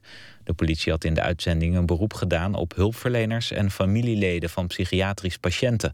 Want het lijkt erop dat de dader een psychische stoornis had. De politie wil weten of er patiënten zijn die rond de moord op 8 februari over Borst hebben gepraat of zich opvallend hebben gedragen. Het motief voor de moord is nog steeds een raadsel, maar de politie sluit uit dat het motief politiek of relationeel van aard was. Voor de gouden tip wordt een beloning van 10.000 euro uitgeloofd. Het weer, het wordt vannacht overal droog en de wind neemt af. Minima rond 10 graden. Overdag in het noorden en westen buien, maar ook af en toe zon. In het zuidoosten langere tijd regen. Het wordt 16 tot 18 graden. Dit was het NOS Journaal. NPO Radio 1. VPRO. Nooit meer slapen.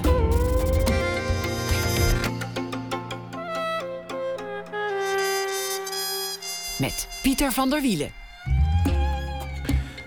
U luistert naar Nooit meer slapen. We beginnen dit uur met Eutjan Akil. Die schrijft deze week voor ons eh, elke dag een verhaal over de dag die voorbij is. Zijn literaire debuut, een eh, sensatie was het. Eus was een uh, schelmenroman over een Turks gastarbeidersgezin... en over zijn eigen nou criminele verleden, mag je het wel noemen. Zijn tweede roman komt eraan, begin 2015, als zoals volgens plan verloopt. Goedenacht, Eutjan. Goedenacht, Pieter. Hoe gaat het eigenlijk met je tweede boek? Of mag je, dat mag je nooit vragen aan een schrijver, geloof ik. Ja, jawel, jawel. Ik uh, moet zeggen dat uh, ja, ik, ik, zit er dus volop in. En nu, om, omdat ik volop in dat tweede boek zit, merk ik dat de, dat de verhalen die ik nu voor jullie maak toch ook een beetje die sfeer ademen. Of in ieder geval dat ik toch steeds weer teruggrijp op mijn eigen verleden en mijn eigen ervaringen. Je schrijft heel Uh, veel columns. Je, je, je doet eigenlijk mee aan best wel veel dingen, heb ik zo de- indruk. Ja. ik zou bijna vaderlijk willen zeggen: allemaal opzeggen, morgen allemaal afbellen. Behalve dan dit programma en aan je boek werken. Of, of zit het elkaar niet in de weg? Nou ja, weet je wat het is? Ehm, ehm, kijk, die, die dingen die ik, eh, die columns en die televisieoptredens en eh radiooptredens, dat, dat, dat zijn dingen die mensen zien. Dat zie je vandaag, dat zie je morgen, dat zie je overmorgen.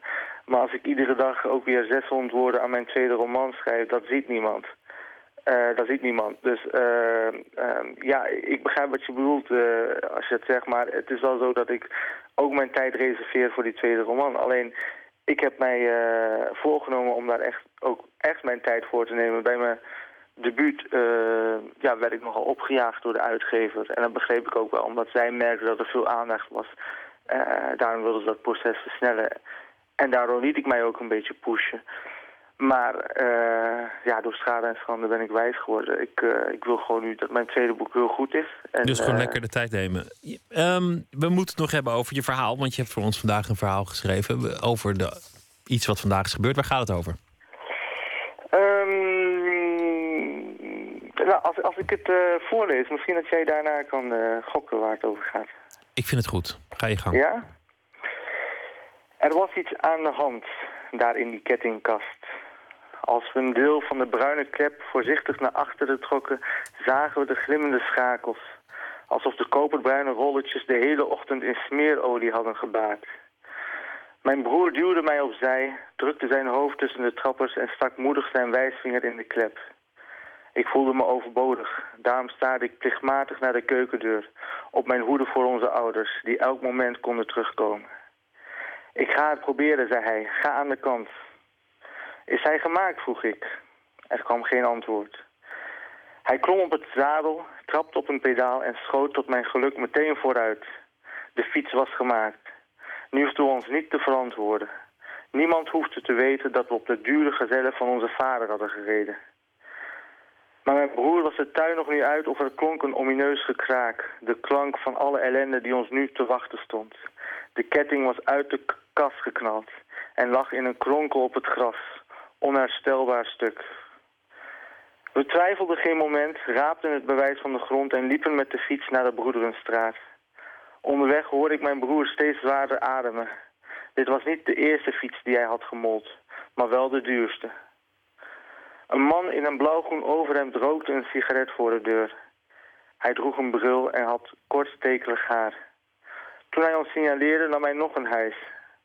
De rook verliet zijn lichaam uit zijn neus. Kunt u ons helpen? vroeg mijn broer. De medewerker boog zijn hoofd onze kant op. Die is stuk, dat kan ik je meteen zeggen. Voor 60 gulden hang ik er een nieuwe ketting in. Je kan de fiets dan morgenmiddag weer ophalen. Mijn broer en ik keken elkaar aan. Hij begon te lachen, steeds harder. Het werkte zo aanstekelijk dat ik meedeed, en de onbekende man ook. Net zolang tot mijn broer plotseling de fiets weer stevig vastpakte en de Broederenstraat uitliep. Ik volgde hem braaf zonder een vraag te stellen. Tien minuten later stonden we aan de Wellekade. Het water in de IJssel kabbelde richting Zutphen en alles wat zich daarachter bevond. We zeggen gewoon dat de fiets gestolen is, goed, zei mijn broer.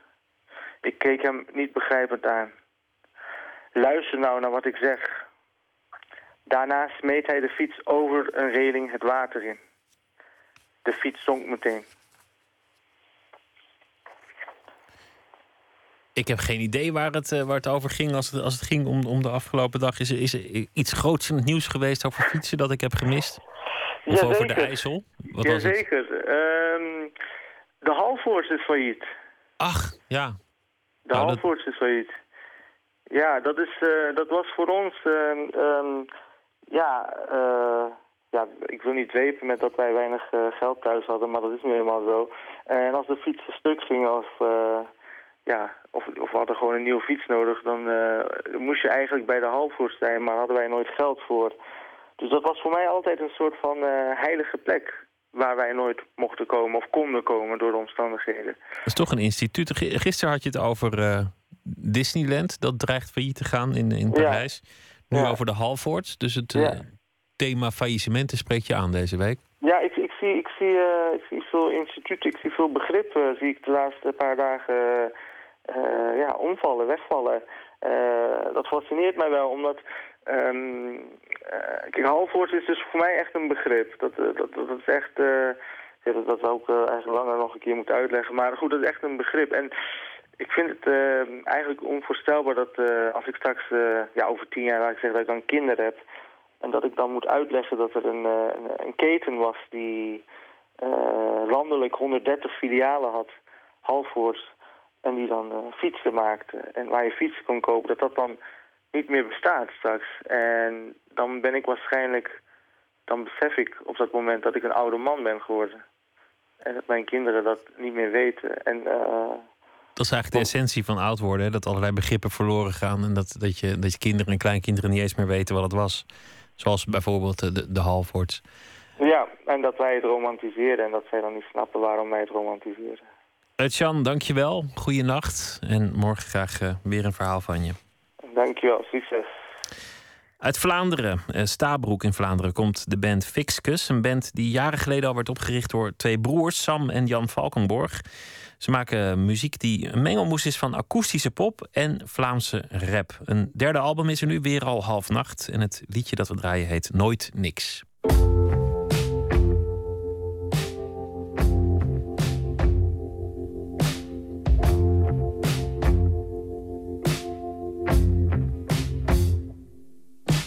Stolle dan meneer de voddenman. Ik zei het nog in het begin, er vodden van. Hoe dat je een schoon ding toch kunt verbrodden, man. En hoe dat zo'n klein masker kan buiten als een dobberman. Ik weet het wel, het leekje klinkt bekend. Dat is een plaat die blijft hangen, maar alles wint. Ik geef mijn eigen een medaille, ben een grave vent. Maar als ik naar buiten kom, dan ben ik toch geremd. Als ik die bleke huid zie en die pret ogen, voel ik toch nog die vonk, laat hem uitdoven. Ik heb niet meer die fut om me uit te sloven. Ik kan niet meer geloven. Vraag het aan ons moeder, het is niet gelogen, het is raar. Klikte als een kliktrack, je fikvak. Voelde fris aan als tic-tacs. Schrijven lieve woordjes met knickknacks. Brieven, ik heb een dikpak. Maar na ben ik niet meer op mijn gemak als we dan nog eens afspreken. Eén keer op de tien weken. En als de slotzin valt, we zullen wel zien zeker. Had ik het moeten weten? Eigenlijk wel. En hoe dat na verder moet, we zien wel. En het is toch nooit niks. En het is toch nooit niks. Of hij gewonden na likt, of een wagen in de fik steekt. Het is altijd dezelfde shit. Waar dat je zelf mee zit.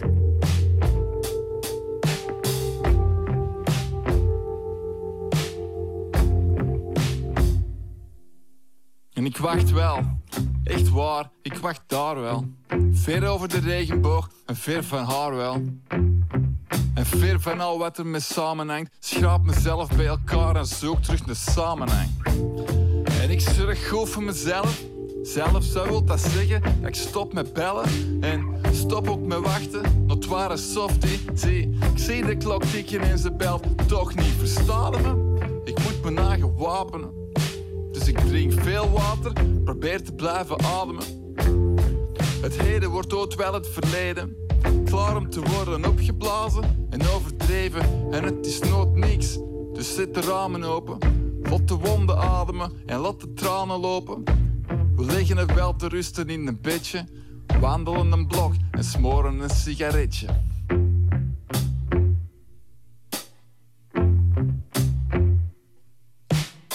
En het is toch nooit niks. En het is toch nooit niks. Of hij gewonden na likt, of een wagen in de fik. Het is altijd dezelfde shit. Waar dat je zelf mee zit.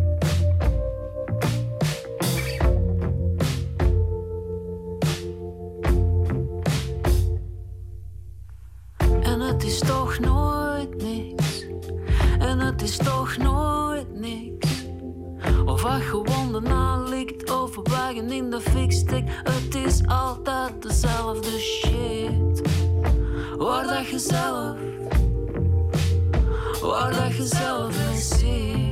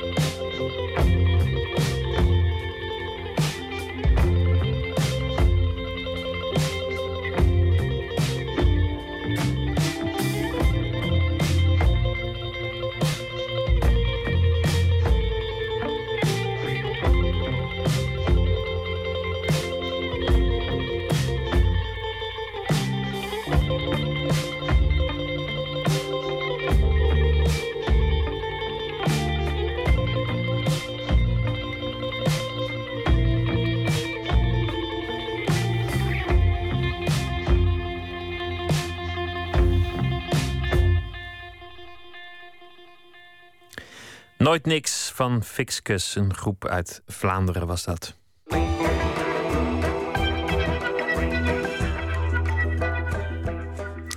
Fotografe Petra Stavast maakte als student een serie foto's van haar Amsterdamse hospita Ramia. Die portretten en meer heeft ze nu gebundeld in een boek met de titel Ramia. Onlangs werd dat gepresenteerd bij de opening van de groepstentoonstelling On the Move in het Stedelijk Museum te Amsterdam. Verslaggever Gijsbert van der Wal sprak met fotografe Petra Stavast in dat museum. De eerste keer dat ik Ramia zag was op, op een ochtend om negen uur s ochtends. En ik stond met mijn vader met zijn busje vol met eh, hun campingspullen. Want ik ging eigenlijk op haar zolder soort van kamperen voor de deur. En ze was er niet. En de huisbaas, de gezamenlijke huisbaas van het hele pand...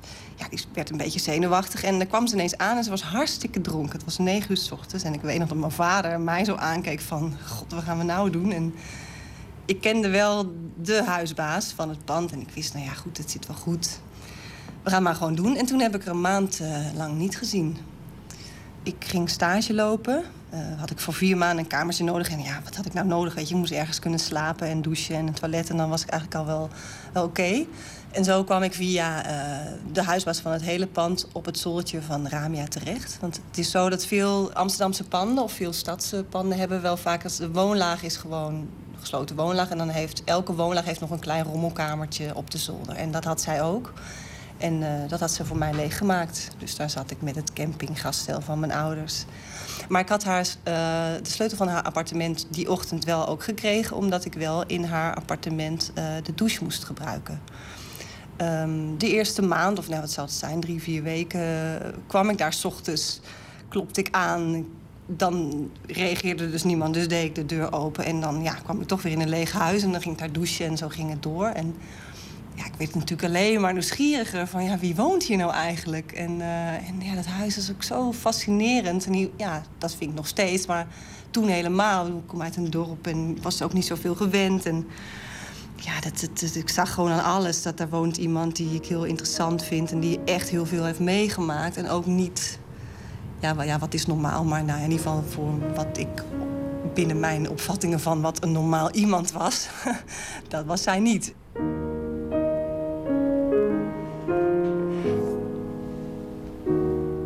Wat ik vervolgens deed, ehm, dat, naast dat ik daar woonde, was ehm, foto's maken van haar huis. Dus dat deed ik eigenlijk stiekem. Ja, goed, ze was er niet.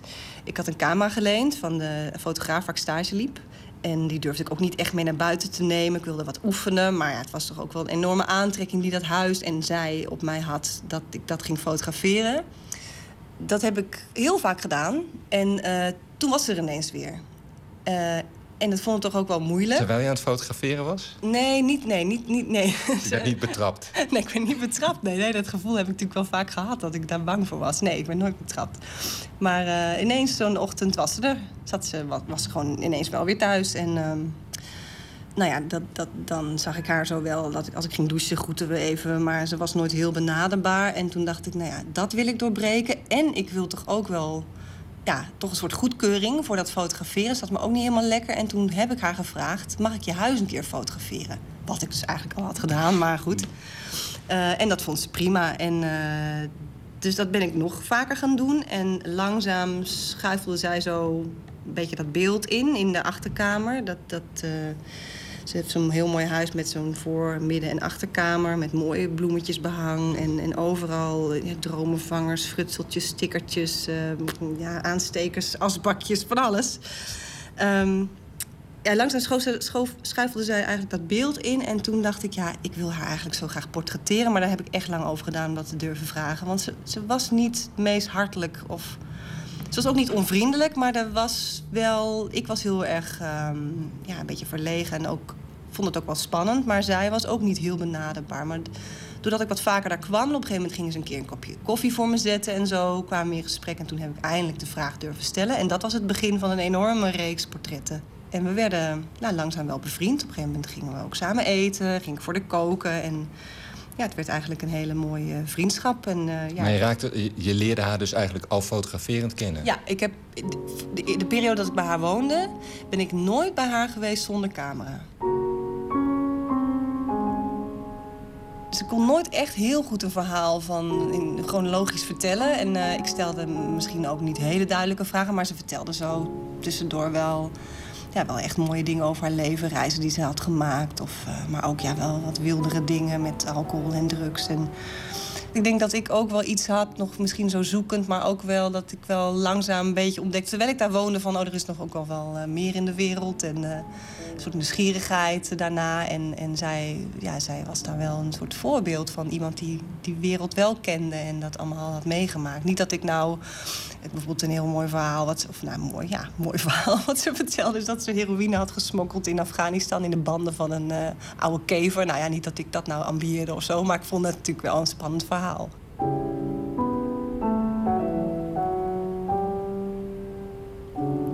Die foto's ging ik niet echt gebruiken voor ergens voor. Die had ik gemaakt ook als oefening. En, en ja, het paste heel goed in die periode dat ik daar woonde. Ik heb haar wel altijd eh, kleine contactafdrukjes gegeven. eh, omdat ik ook... Ja, ze, was soms heel kwetsbaar op die foto's. En ik wilde wel dat, dat ze ook gewoon wist wat, wat ik zag. Dat ze dat ook zag. Dat ze wel wist Ho- wat hoezo ik in was ze kwetsbaar op die foto's? nou, zij, vooral in het begin, ehm, dan, dan zie je wel dat ze ook er wel een beetje klaar mee is of zo met mij. Of dat ik daar zit te fotograferen. Of dat ze gewoon zich ongemakkelijk... Ze voelt zich ongemakkelijk. En, en ze ziet er, en dat wist ik toen, toen natuurlijk ook nog niet... eigenlijk helemaal niet zo heel goed uit. Want, maar ik, dat was de Ramia die ik natuurlijk op dat moment alleen maar kende. Later, ook in het boek vooral, zie je wel wat, wat, wat, hoe verzorgd en hoe mooi en hoe open en eh, ook heel vriendelijk ze kan zijn. En dat in de eerste instantie, in die eerste foto, is dat eigenlijk niet zo.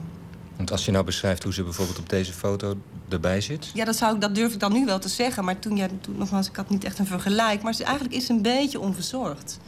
En ook een beetje geïrriteerd. Eh, Maar dat onverzorgde verstrookt ook wel met de, de allereerste keer dat je er zag... dat ze om negen uur 's ochtends dronken Ja. aankwam zetten. Ja, precies. Dus het was Eh, iemand met een, misschien een alcoholprobleem of Ja, zoiets? ja, ja, ja. Nou, dat, ja dat, dat, eh, dat, en daar was ook wel open over. Ehm, dat interieur verandert ook een beetje mee. Eh, dus het wordt ook steeds gezelliger in huis eigenlijk. Eh, dat, ja, ze ging dan ook wel echt lekker thee zetten en koffie en ehm, koken en zo. Maar het hele interieur verandert eigenlijk ook mee. In het begin voel je ook dat, ze, dat, dat daar dan ook niet echt de aandacht en de liefde in zit. En dat langzaam verandert dat ook mee. Dus dat, ja, dat heb ik dan wel vastgelegd. Toen eigenlijk ook helemaal niet wetende wat daar nou precies speelt. Ik bedoel, ja, ik leerde haar ook kennen. Ik bedoel, dat is dan, ja, dat bouwt zich langzaam Het is op. wel heel bijzonder, want iedereen leert iedereen kennen. Ik bedoel, Mhm. iedereen leert in zijn leven allerlei mensen Mhm. kennen. Het is wel heel bijzonder dat jij vanaf het eerste moment deze kennismaking hebt gedocumenteerd. En to- toch had ik dat in eerste instantie ook helemaal niet door. Want, nou ja, die foto's, dat was een enorme stapel foto's... maar dat kwam nooit verder dan contactjes. En dat zag ik ook echt wel als een soort le- eh, leren, ja, leren Het is een eigenlijk. beetje informeel. Heel erg, zonder plan. Ik bedoel, binnen een academie eh, werk je toch vaak aan opdrachten... of dan bedenk je iets en dat voer je uit. Dus dit was echt tijdens mijn stage ook gewoon een onderwerp... waarin ik gewoon echt meters kon maken. En wat me ook echt wel vanuit het diepst van mij eh, fascineerde. Ehm, nou ja, vervolgens belandde ik wel weer op de academie voor mijn afstuderen. En ik weet dan niet eens meer wat ik had bedacht, maar een vrij onmogelijk plan. En het liep ook helemaal vast. En eh, daar hadden we toen nog een hele fijne kleurendoka... waarin ik dan die foto's van Ramia eens een keer ging afdrukken. Ook als een soort even wat anders, want het liep helemaal niet. En eh, tijdens het afdrukken kwam ik erachter, al eh, heel vrij snel... dat ik dezelfde plek meerdere keren had gefotografeerd. En wel eentje, daar, daar zat iets heel moois in. Het is een, foto van een keuken, een koelkast. En op de ene foto ligt er een placemat met pinguïns op de koelkast. En de volgende foto hangt die aan de muur. Het kader is min of meer hetzelfde, omdat ja, nou ja, mijn statief past er maar op één manier in En er staat ook nog zo'n mooi oud transistorradio. Ja, ja, ja, ja, mooi radio. Nou ja, en een tu- tube crème. En, eh, nou ja, als je hem toen ik hem uit ging vergroten, zag ik ook wel dat in die... Na, november was namelijk de eerste foto 2001 en maart eh, 2002 de volgende. Die, zat een tube crème die dan eh, ja, leger is en zo. Nou, dat is op zich natuurlijk logisch. Maar, die, maar dat, die placement was verhangen. Dat was eigenlijk best wel een groot ding in zo'n hele kale foto's. Echt eigenlijk best een, ja, een beetje een klassiek stilleven. Een beetje rommelig misschien, maar... En dat was echt de trigger. En ik weet nog dat ehm, een, een klasgenoot naast me stond en die zei van... Hey, Oh, ja, ja, zoiets. En, en, en ik dacht zelf ook, hey, dit is wel iets. En eh, toen ben ik als een idioot al die foto's gaan afdrukken. En toen had ik een paar dagen later echt 60 portretten van haar. En je ziet haar echt een soort, eh, ja, een soort metamorfose. Wat ik nog nooit eh, eerder zo had beseft, is dat het gaat niet alleen over dat wij elkaar leren kennen, maar het gaat ook gewoon over haar en over haar huis en over haar leven. En in het, in het mini is het, het is vijf, zes maanden werk, is het echt een soort opbloeien van iemand. En, ehm, En jij hebt die me- metamorfose of die opbloei eigenlijk per ongeluk ja, per, vastgelegd. on- ja, per ongeluk. Ja, eigenlijk, ja, zeker. Ja. En ik heb dat heel lang gewijd aan het feit dat zij een beetje moest ontdooien naar mij toe. En ik misschien naar haar toe, maar dat er zat wel meer in. En eh, dat, dat had wel iets universeels eigenlijk. En ehm, nou, toen dan wandelde je ineens bij je docent binnen... en heb je je eindexamen eigenlijk al bij elkaar gefotografeerd. En het was mei en in juni was het al zover. Dus het was ook wel nodig dat er iets lag. En... eh, toen heb, ben ik nog één keer naar haar toe gegaan. En dat is eigenlijk in, in de eerste serie... want ik heb daar toen in 2002 ook een boekje van gemaakt... is dat eigenlijk ook een vrij vreemde kleine serie foto's in het boek. Daar is zij... Omdat ik op bezoek kom... toen woonde ik dus niet meer bij haar. Dan heeft ze zich ook echt een beetje opgetut en uh, het huis helemaal opgeruimd en zo. Het is een heel ander type foto. Zit ze ook echt een beetje te poseren ineens. Dat was eigenlijk een hele mooie afsluiter, want toen kwam ik binnen. Maar toen was het ook niet meer per ongeluk. Nee, toen was het, dat was de eerste keer dat het ook niet per ongeluk was. Ik kwam binnen en ik heb toen meteen gevraagd, meteen, zo van, nee, ik vond het eng om te vragen vind je het goed als ik de foto's die ik van jou heb gemaakt gebruik voor mijn eindexamen? En zij zei. Ze vond het eigenlijk een onzinnige vraag. Zo van, ja, natuurlijk is toch van jou? Zo van, er zijn toch jouw foto's? En uh, ze heeft ooit, ook ooit een keer gezegd van... ja, maar ik heb jouw foto's toch niet nodig om te weten hoe ik ben. Dat uh, was voor een haar... Een beetje bitchy eigenlijk, toch? Nou, nee, nee. nee, dat bedoelde... Jouw foto's niet nodig om te weten wie ik ben. Nou, nee, natuurlijk. Ik zeg het, ik leg de klemtoon misschien niet helemaal goed. Nee, dat was, uh, dat was juist uh, dat ze in één zin mij helemaal gerust wilde stellen. Dat was het denk ik vooral. En dat heeft ze ook gedaan. Daarna zijn we echt nog goed bevriend uh, geworden en gebleven hoor. Dus dat was allemaal oké. Fotograaf Petra Stavast in een bijdrage van Gijsbert van der Wal. Ramia overleed in 2012. Daarna heeft Petra Stavast haar woning nog één laatste keer gefotografeerd. Al die Ramia-foto's en nog veel meer verzameld in een boek. Ramia verschenen bij uitgeverij Forward Books. Uit Denemarken komt Maggie Bjorland. En Maggie kan iets wat bijna niemand in Denemarken kan, of waar dan ook ter wereld. Dat is namelijk heel erg goed pedal steel gitaar spelen. Zo goed dat Amerikaanse grootheden als Jack White, Calexico en Mark Lanigan haar hebben ingehuurd om hen te begeleiden. Nu heeft ze dan een eigen album uit. De titel daarvan is Shaken. Het nummer heet Teach Me How to Say Goodbye.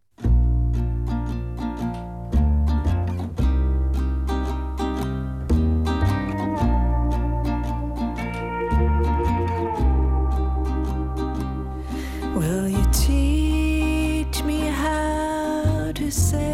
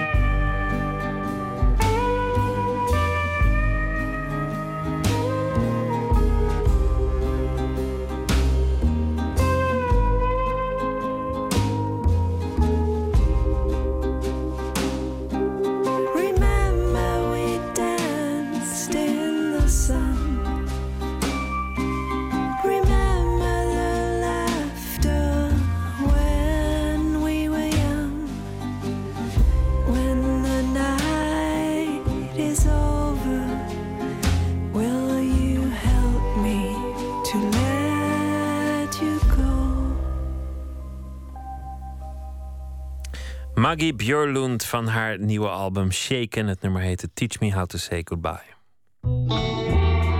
Nooit meer slapen. Feestvreugde sinds gisteravond bij de trouwe fans van de oude televisieserie Twin Peaks. Want met een simpele tweet werd het aangekondigd. Eigenlijk een beetje impliciet dat de serie opnieuw te zien zal zijn. In een, eh, dat er een nieuwe reeks van komt. Coffee is good was namelijk eh, de zin waarmee eh, David Lynch afsloot. Maarten Westerveen, nachtcorrespondent, hartelijk welkom. Hallo, Twin. Peaks. Ja, voor heel veel mensen echt een legendarische televisieserie. Waarom eigenlijk? Nou ja, omdat alle, je moet je voorstellen, en het is al vaak gezegd ook deze dag, zo'n beetje elke serie die nu gemaakt wordt, elke hoogwaardige televisieserie die nu gemaakt wordt, die heeft zijn bestaan te danken aan Twin Peaks. Want de serie van Mark Frost en David Lynch, die doorbrak eigenlijk alle grenzen waaraan televisie op dat moment aan moest voldoen. Het was filmisch, het was geschoten op film, het zag er prachtig uit. Eh, het was donker, diep duister. Er werden verhalen verteld die eigenlijk niet op televisie hoorden. En het intrigeerde miljoenen. Ik was zelf piepklein toen ik een keertje op vakantie in Zwitserland... de, eh, de laatste, allerlaatste aflevering van Twin Peaks zag. En die eindigt in van die, die karakteristieke kamer... met die, die, eh, dat, dat wiggelmotief op de vloer en die rode gordijnen. En het was allemaal duister en het was allemaal onheimisch. En ik snapte er niets van, maar ik weet wel dat ik vanaf dat moment ben ik gewoon, ik ben echt verminkt door die serie op een hele aangename manier. En ik was klein toen dat gebeurde, maar ik weet zeker dat er heel veel volwassenen zijn die exact hetzelfde meemaken. Nou, als ik deze muziek hoor, dan, dan word ik weer helemaal terug in sferen getrokken. Kan Wat voor vertellen. sferen waren dat? Nou ja, dat eh, gewoon eh, in, van, van de jonge jaren. Het was, het was toen een hele bekende serie. Waarom, waarom terugkeren? Want David Lynch is een succesvol regisseur.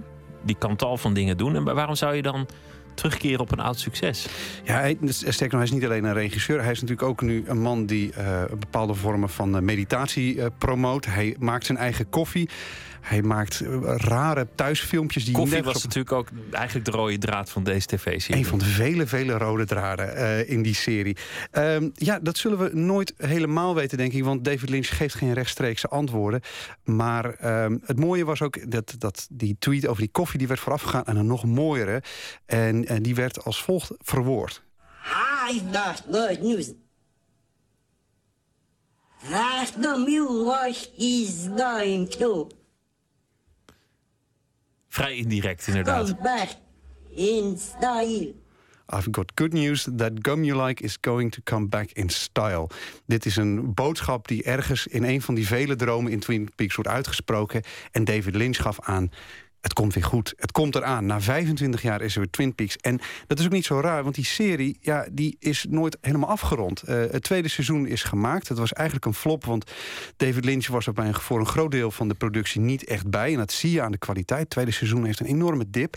Ehm, en die dat tweede seizoen dat eindigde op een hele rare cliffhanger. Ik zal er niets van vertellen. Laat mensen vooral nog eens een keertje kijken.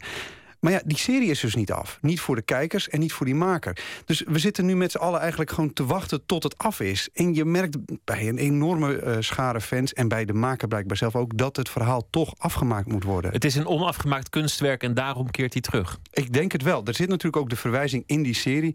waar op een gegeven moment Laura Palmer, de, eh, het slachtoffer... Hè, die je in het begin van de serie ziet, die is vermoord. De rest van de serie gaat over wie heeft Laura Palmer vermoord. En in een van die vreemde dromen zegt ze... oh, je zal me weer terugzien in 25 jaar. Ja, dat gebeurt nu. Je zou bijna denken dat de opzet is, maar ik vermoed het niet. Maar we leven ook wel in een tijd van retro. Want eh, je kunt bijna geen grote tv-serie bedenken... of er is niet op een zeker moment een, een remake geprobeerd, op zijn minst. Het gebeurt de hele tijd. Vandaag de alleen al. Keren, keren terug, hoorde ik gisteren op de radio. Nee, alleen al vandaag heeft Robert Downey Jr. verteld dat er een nieuwe eh, Iron Man 4 komt. Vandaag heeft J.K. Rowling laten weten dat er misschien wel meer Harry Potter aan zit te komen. Ja, men is er aan verslingerd. En ehm, is dat terecht, is dat niet terecht? Dat kan ik niet helemaal alleen beoordelen. Dus ik belde vandaag met eh, journalist eh, Julius Koetsier... van het prachtige blad Schokkend Nieuws. Mensen die nog niet geabonneerd zijn, abonneer je. Alleen vanwege de titel zou ik dat wel doen. Schokkend nieuws. Schokkend nieuws. En ehm, nou, ik vroeg hem als eerste wat nou eigenlijk eh, de grootste uitdagingen zijn. Of hij nou problemen zag bij eh, een, eh, het heropenen van deze serie... die al 25 jaar ja, stil ligt. Nou ja, wat ik altijd ehm, storend vind bij reboots en, en dergelijke zaken... is dat ehm, is als als, als ze te veel proberen de fans te pleasen. Maar ik denk niet dat dat gaat gebeuren. Ik denk, ik zie Lynch daar niet voor aan, want hij heeft, de verfilming van Twin Peaks was ook bepaald geen crowd pleaser. Ehm, dus ik ben daar niet zo bang voor. Ik, ik, ik denk niet dat ze in, in veel valkuilen zullen gaan trappen. Ik ben vooral heel benieuwd hoe ze het moeten gaan doen. Want het is natuurlijk... De originele serie eindigde met een cliffhanger. En je kunt natuurlijk niet op dat moment verder gaan. Want dan zouden ze allemaal in één seconde 25 jaar ouder zijn geworden. Dus ik ben wel heel benieuwd hoe ze ehm, dit verhaal nu verder gaan vertellen. Ik denk dat je ook wel mensen zult hebben die gaan zeggen van... ja, maar nou hebben we nog de antwoorden niet en het mysterie is nog niet opgelost. Ehm, maar ja, dat hoort gewoon bij Lynch en ook bij de serie. Dus daar, daar hoop ik eigenlijk ook wel op. Ja, soms gaat het heel goed. Zo'n zo'n comeback na, na heel veel tijd. Star Wars bijvoorbeeld bij sommige films. eh, Maar... Het was geen succes. Oh, ik het je was geen succes. Dat was een diepe, diepe ramp. Daar, daar treuren de fans nog steeds om. Er komt een Ik nieuwe... vond hem wel leuk. Dan ben ik de enige weer. Er komt een nieuwe eh, reeks Star Wars films aan. Wellicht gaat die goed zijn. Maar ik kan je verklappen dat de oude Star Wars fans woest zijn op de laatste drie. Maar toch, ik vind het opmerkelijk. Of het dan gaat over televisie, over films, over, over, over muziek, over eh, boeken. Die eeuwige terugkeer. Er, er- is nog ergens een bandje waar, waar Elvis Presley misschien een fragment zingt. Of er is, nou ja, je kan het zo gek niet noemen. Of, of er is iets uit de kelders opgedoken. Of er wordt teruggekeerd bij oud succes. Of dinosaurussen gaan weer op tournee. Wat is er toch aan de hand? Retromania. Dat is trouwens ook een, een- de titel van een prachtig boek. Maar de manie om telkens maar dingen terug te brengen. Eh, daar zit heel veel geld in, want wat bekend is, dat verkoopt goed natuurlijk. Het zou ook kunnen zijn dat men het gevoel heeft dat het beste achter ons ligt. Het is natuurlijk ook zo dat veel van de dingen die nu terugkomen... geworteld liggen in nou ja, de jaren 80, begin jaren 90. Ja, dat is ook... ehm, dat is eh, voor de mensen die toen nou ja, volwassen werden... natuurlijk eh, eh, onderhand een, een moment van ja, melancholie. Daar kijk je nu op terug. Dus het kan ook gewoon zijn dat we nu jouw generaties heimwee meemaken. Dat jouw generatie nu begint te kijken van... goh, dat was toch allemaal wel mooi. Dat wil ik toch nog eens een keertje zien. Het zou zomaar kunnen zijn dat we daarmee te maken hebben. Maar Julius Koetsier die was daar niet helemaal mee eens. Nou, ik denk dat het altijd zo geweest is. Ik denk dat veel mensen denken dat het iets van deze tijd is. Maar ehm, kijk, kinderen willen ook graag vaak eh, steeds hetzelfde verhaaltje horen voordat ze naar bed gaan. En ik denk dat, eh, sinds wij verhalen vertellen is het al zo dat bekende verhalen populair zijn. Eh, en dat bekende verhaalstructuren populair zijn en bekende en dezelfde thema's steeds terugkeren. Ehm, dus ik, ik denk zeker dat, dat er een hang is naar het bekende. Ehm, ik denk ook dat het in dit geval, en ja, dat, dat, kun je natuurlijk, dat kan ik natuurlijk niet voorspellen, maar ik denk niet dat Lynch ons het bekende gaat geven. Ik denk niet dat het er zo gaat uitzien als Twin Peaks er vroeger uitzag. Misschien wel, maar ik, ik verwacht dat niet van, eh, van David Lynch. Nee, we geven ons dus eigenlijk over nu aan de meester. En ik moet eerlijk zeggen, ik weet niet of jij een David Lynch-fan bent... maar ik wel, en zo heb ik het ook wel het liefst. Dat je eigenlijk niet kan eh, weten wat je mag gaan verwachten. Zelfs als je weet dat het anders zal zijn... dan is het nog steeds heel anders dan jij in je eigen hoofd had. Want ja, David Lynch, waar die man aan denkt... ik, ik kan er werkelijk niet bij. En ik denk dat veel mensen er ook wel wat aan gelegen is... om het zo, om het zo te houden. Maar eh, die serie, je zei net al, er kwamen allerlei gedachten terug... Ehm, wat, mocht jij, wat vond jij nou eigenlijk mooi aan die serie? Of wat, wat, wat, voor herinneringen heb, heb jij eraan? Nou, volgens mij was het heel anders. Dat was het eerste. Eh, die sfeer vanwege muziek, vanwege beeld, maar ook dat je het nooit helemaal kon begrijpen. De, de, de verhaallijn werd je nooit helemaal duidelijk. en toch bleef het spannend. En het was en diep eng. Eh, ja, ik weet niet of de, de kwaadaardige geest Bob die door die serie eh, waart. Ja, dat is een van de engste figuren die ik ooit op televisie heb gezien. Overigens mooi voor de mensen die de serie nog voor de geest kunnen halen. Bob is een langharige diep enge man. Eh, die is gewoon het gevolg geweest van een roadie... die op een gegeven moment in het shot zat van de, eh, David Lynch... die aan het filmen was en kijken was wat het juiste blik moest zijn. En opeens stond die roadie daartussen. En daar schrok David Lynch zo van dat hij dacht... jij moet in de rest van de serie zitten. Eh, ik vroeg ook aan Julius wat hij nou eigenlijk de, de kracht vond... en of hij wist waarom mensen eraan terugkomen. En dit was zijn antwoord. Ik denk omdat daar een heel aantrekkelijk universum gecreëerd wordt... eh, dat niet helemaal af is. Ik denk dat dat ook het, het leukste is. Je hebt nu heel, in heel veel films zie je dat, dat worldbuilding... dat ze als een soort nieuw universum maken en gaan uitbouwen. En ik denk dat het het beste werkt als het universum niet helemaal af is... zodat je als kijker of als lezer nog kan bedenken wat er nog meer gaande is. Zoals in de eerste Star Wars films eh, uit de jaren 70. Ehm, daar is dat universum nog niet helemaal af. Er wordt heel veel aan je verbeelding overgelaten. En dat is in Twin Peaks ook zo. Hij schept een heel aantrekkelijke wereld van dat, dat, dat kleine stadje met al die rare mensen die daar wonen. En hij laat nog genoeg aan je verbeelding over om zelf nog heel veel in te vullen van wat daar, eh, wat daar gebeurt en hoe het daar is. Ehm, dus het, het voelt dan echt als een, als een terugkeer naar een plek, denk ik, als je dat opnieuw eh, gaat kijken. Ja, want uiteindelijk, eh, of je nou voor of tegen retro bent, is niet zo belangrijk. Het is natuurlijk fantastisch voor de fans dat, dat ze iets hebben om zich weer op te verheugen. 2016 komen er negen afleveringen. Die twee dingen, daar word ik heel erg vrolijk van. Negen afleveringen, dat is behapbaar genoeg. Dan kan, er niet, dan kan je niet echt de fout ingaan. Dan kan je het lekker strak houden. Mark Frost en David Lynch werken er samen aan. De oude cast komt voor een groot deel terug. Ik ben heel benieuwd hoe die eruit zien. Want de, eh, Twin Peaks, dat, die dat barsten van de beeld, beeld, beeldschone vrouwen. Kijken hoe die er nu bij lopen. Ik ben benieuwd. En ja, eh, we, ik stel voor dat we afsluiten met de woorden van Karel Struiken. Dat is de reus uit die serie die daar een, een, een belangrijke rol in heeft. En die met de volgende woorden mag afsluiten. It is happening again. It is happening again.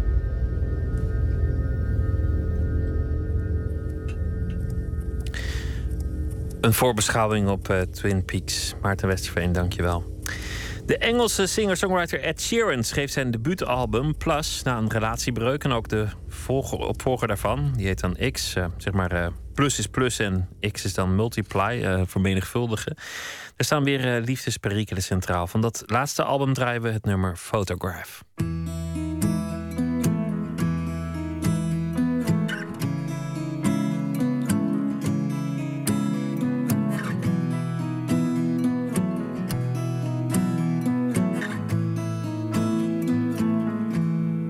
Loving can hurt.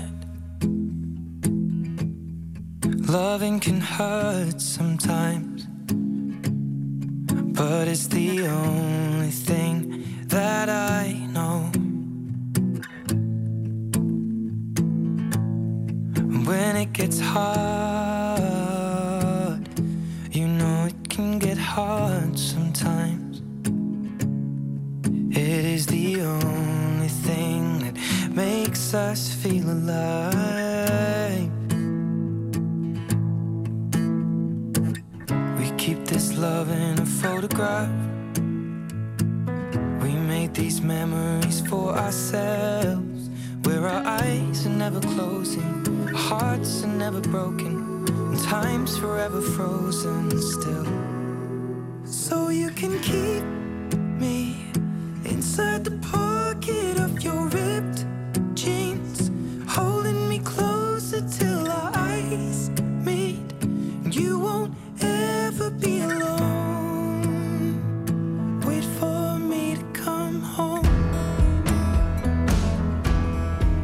Loving can heal. Loving can mend your soul.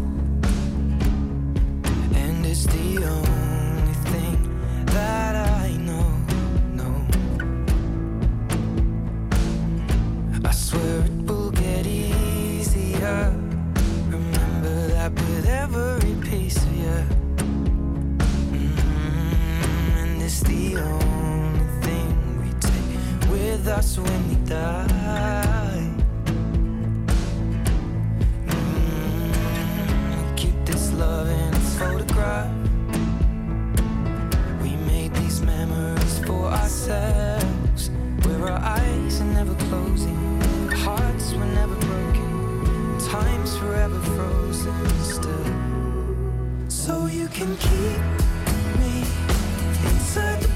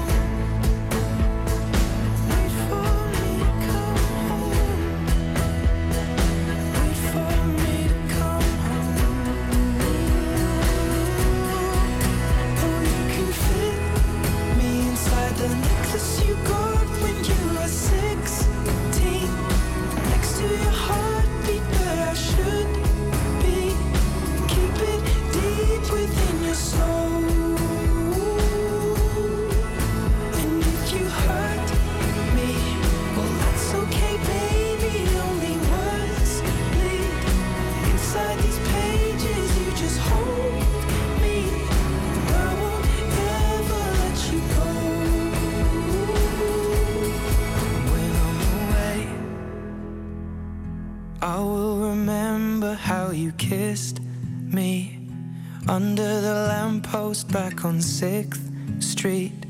Hearing you whisper through the phone. Wait for me to come home. Ed Sheeran was dat met het nummer Photograph.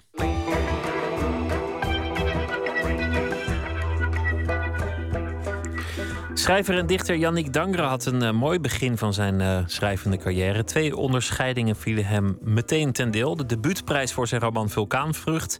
en de Herman de Koninkprijs voor zijn dichtbundel Meisje dat ik nog moet. Drie jaar na die eerste bundel komt Dangre met de opvolger... getiteld Met terugwerkende kracht. Veertig gedichten waarin hij schrijft over liefde, vriendschap en familie. Verslaggever Nicole Terborg ging erop af... en ontmoette de dichter op station Amsterdam Centraal... waar het slotgedicht zich afspeelt.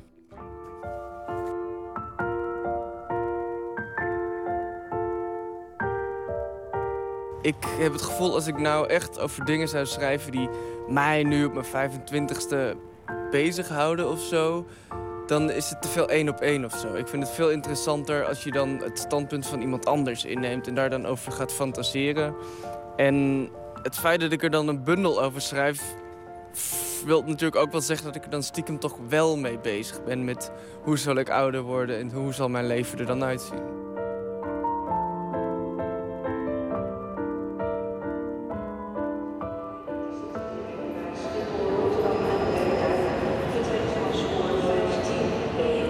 Dit gebouw maken mensen de balans op. Ik zie het aan hun gezichten. De angst die niet meer in een aktentas past.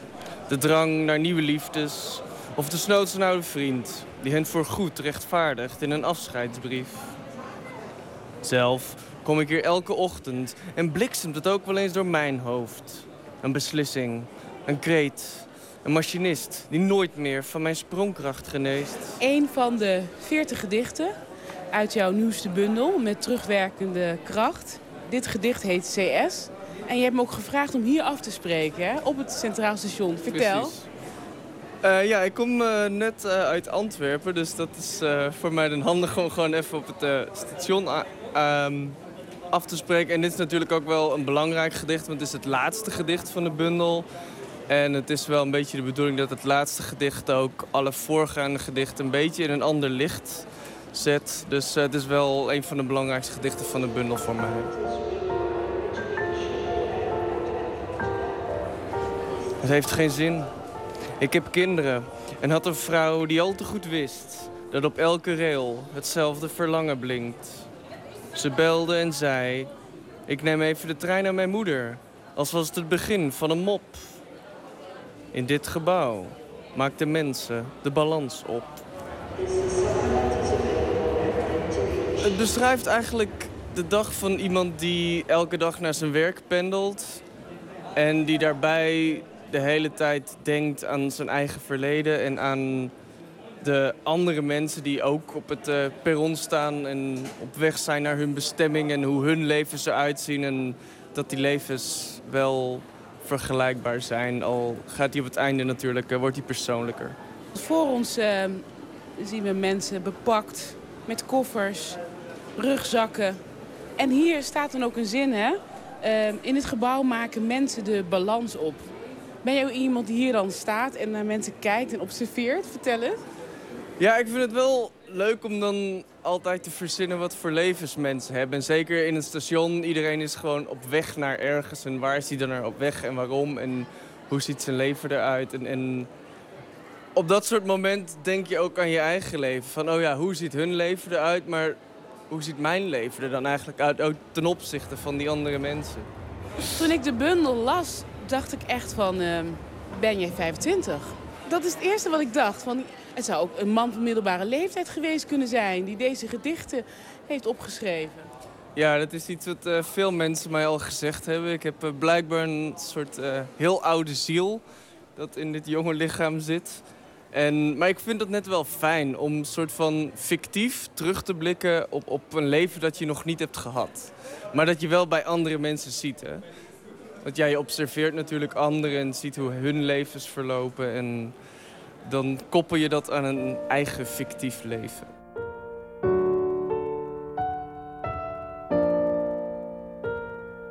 Waar gaat deze bundel over?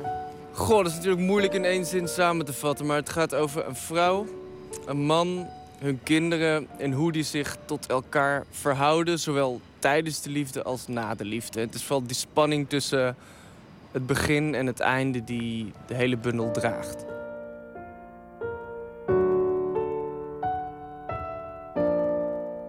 Lexa.nl Elke weekdag weer dat alwetende licht van je pc.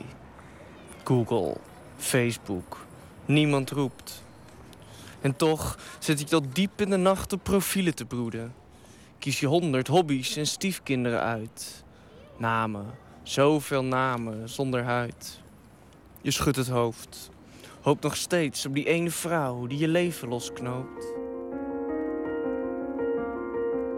In mijn vorige bundel was het eigenlijk was geen enkel modern element. En eh, ik vond het nu een enorme uitdaging om dat er wel in te stoppen.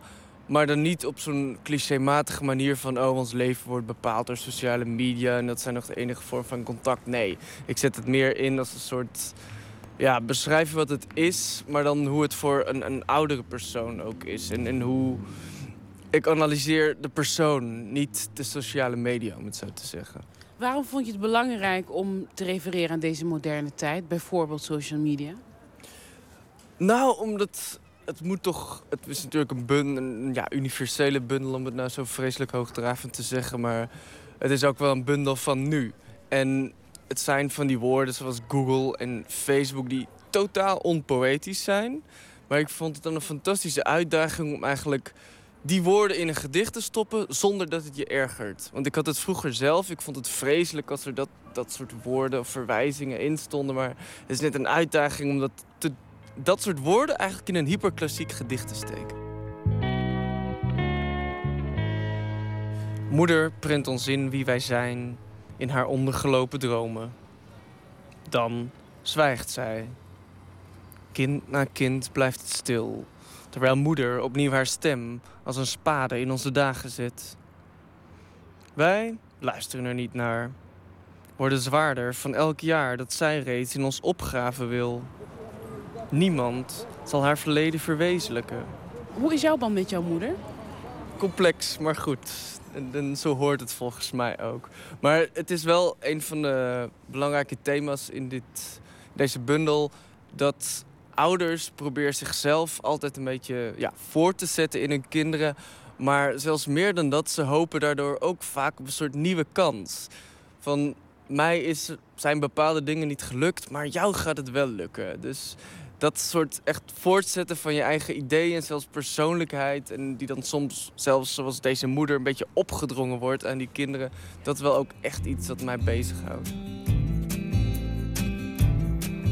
En toch blijft zij in kringetjes door dit huis praten, met ons meedraaien. Ook als zij zalvend slaat en voedsel maakt voor onze toekomst, die zij openvouwt op tafel. In ons zakt gaandeweg het water. Ja, ik wilde wel bewust iets anders doen dan mijn vorige bundel. Want die was ja, heel erg klassiek, heel hoog romantisch ook, om het zo te zeggen. Die paste helemaal bij mijn uh, bevlogen zelf toen. En op een paar jaar kun je toch een beetje bedaarder worden. En ja, ik wilde gewoon echt iets anders doen. Je zegt mijn bevlogen zelf is een beetje bedaard. Wat is er gebeurd de afgelopen jaren? Ja, ik denk dat de bevlogenheid is toch echt iets dat met leeftijd te maken heeft.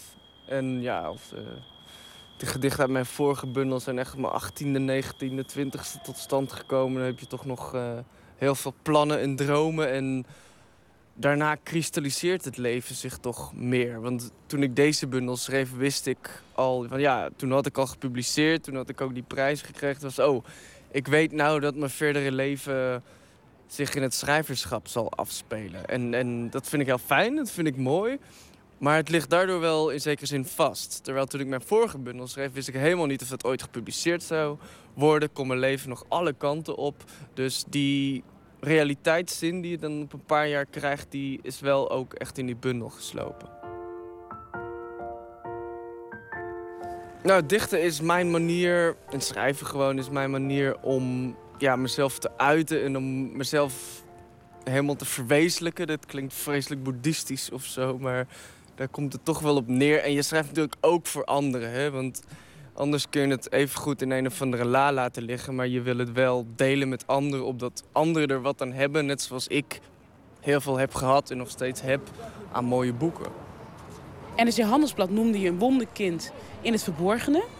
De morgen gaf je de titel The Dr. Love van de Vlaamse letteren. Dus refereert natuurlijk vooral aan, eh, aan je roman. En wat doet dat met je als je dit hoort? Nou, het is fijner dan dat ze dat zeggen... dan dat je een of ander onbenullig iemand bent die snel vergeten moet worden. Maar aan de andere kant trek ik me daar ook niet zoveel van aan. Het gaat uiteindelijk om die boeken en om het feit dat concrete mensen wat aan die boeken hebben. Niet zozeer dat een journalist zegt van... oh, dit is een geweldig boek. Het is veel fijner eigenlijk als gewoon een, een lezer die ik helemaal niet ken op me afkomt... en zegt dat hij gewoon mijn boek heel mooi vond en daar echt wat aan heeft gehad. Dat doet mij veel meer plezier.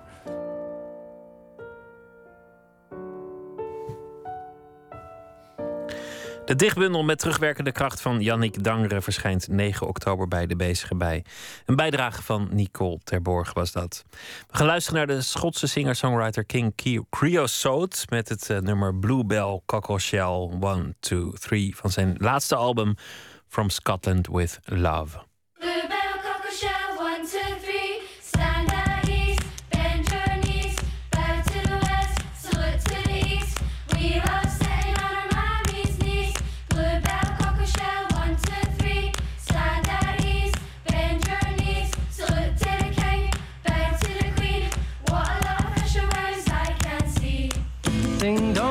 Castle bell.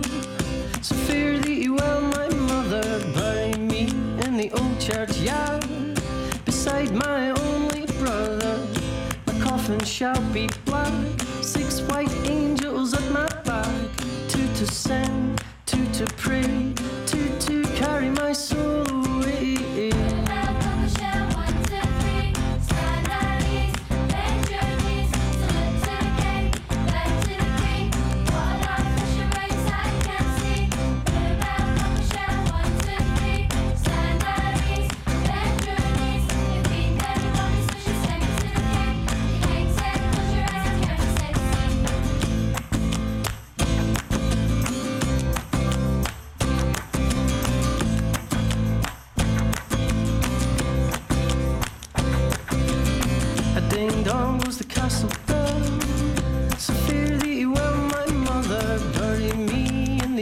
churchyard beside my only brother.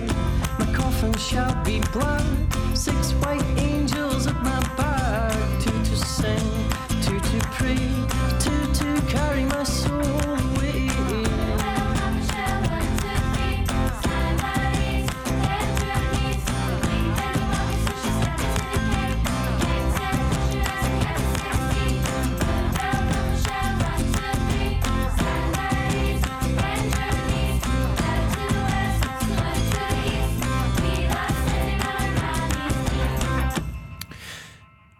King Creosote was dat. Coco Shell 1, 2, 3. Zo zijn we aan het einde gekomen van deze aflevering van Nooit meer slapen. Morgen na middernacht, dan zijn we er weer. Voor nu een hele goede nacht. Morgen een leuke dag. Graag weer tot dan straks. WNL met eh, heel veel dingen en ook eh, live muziek. Een hele goede nacht.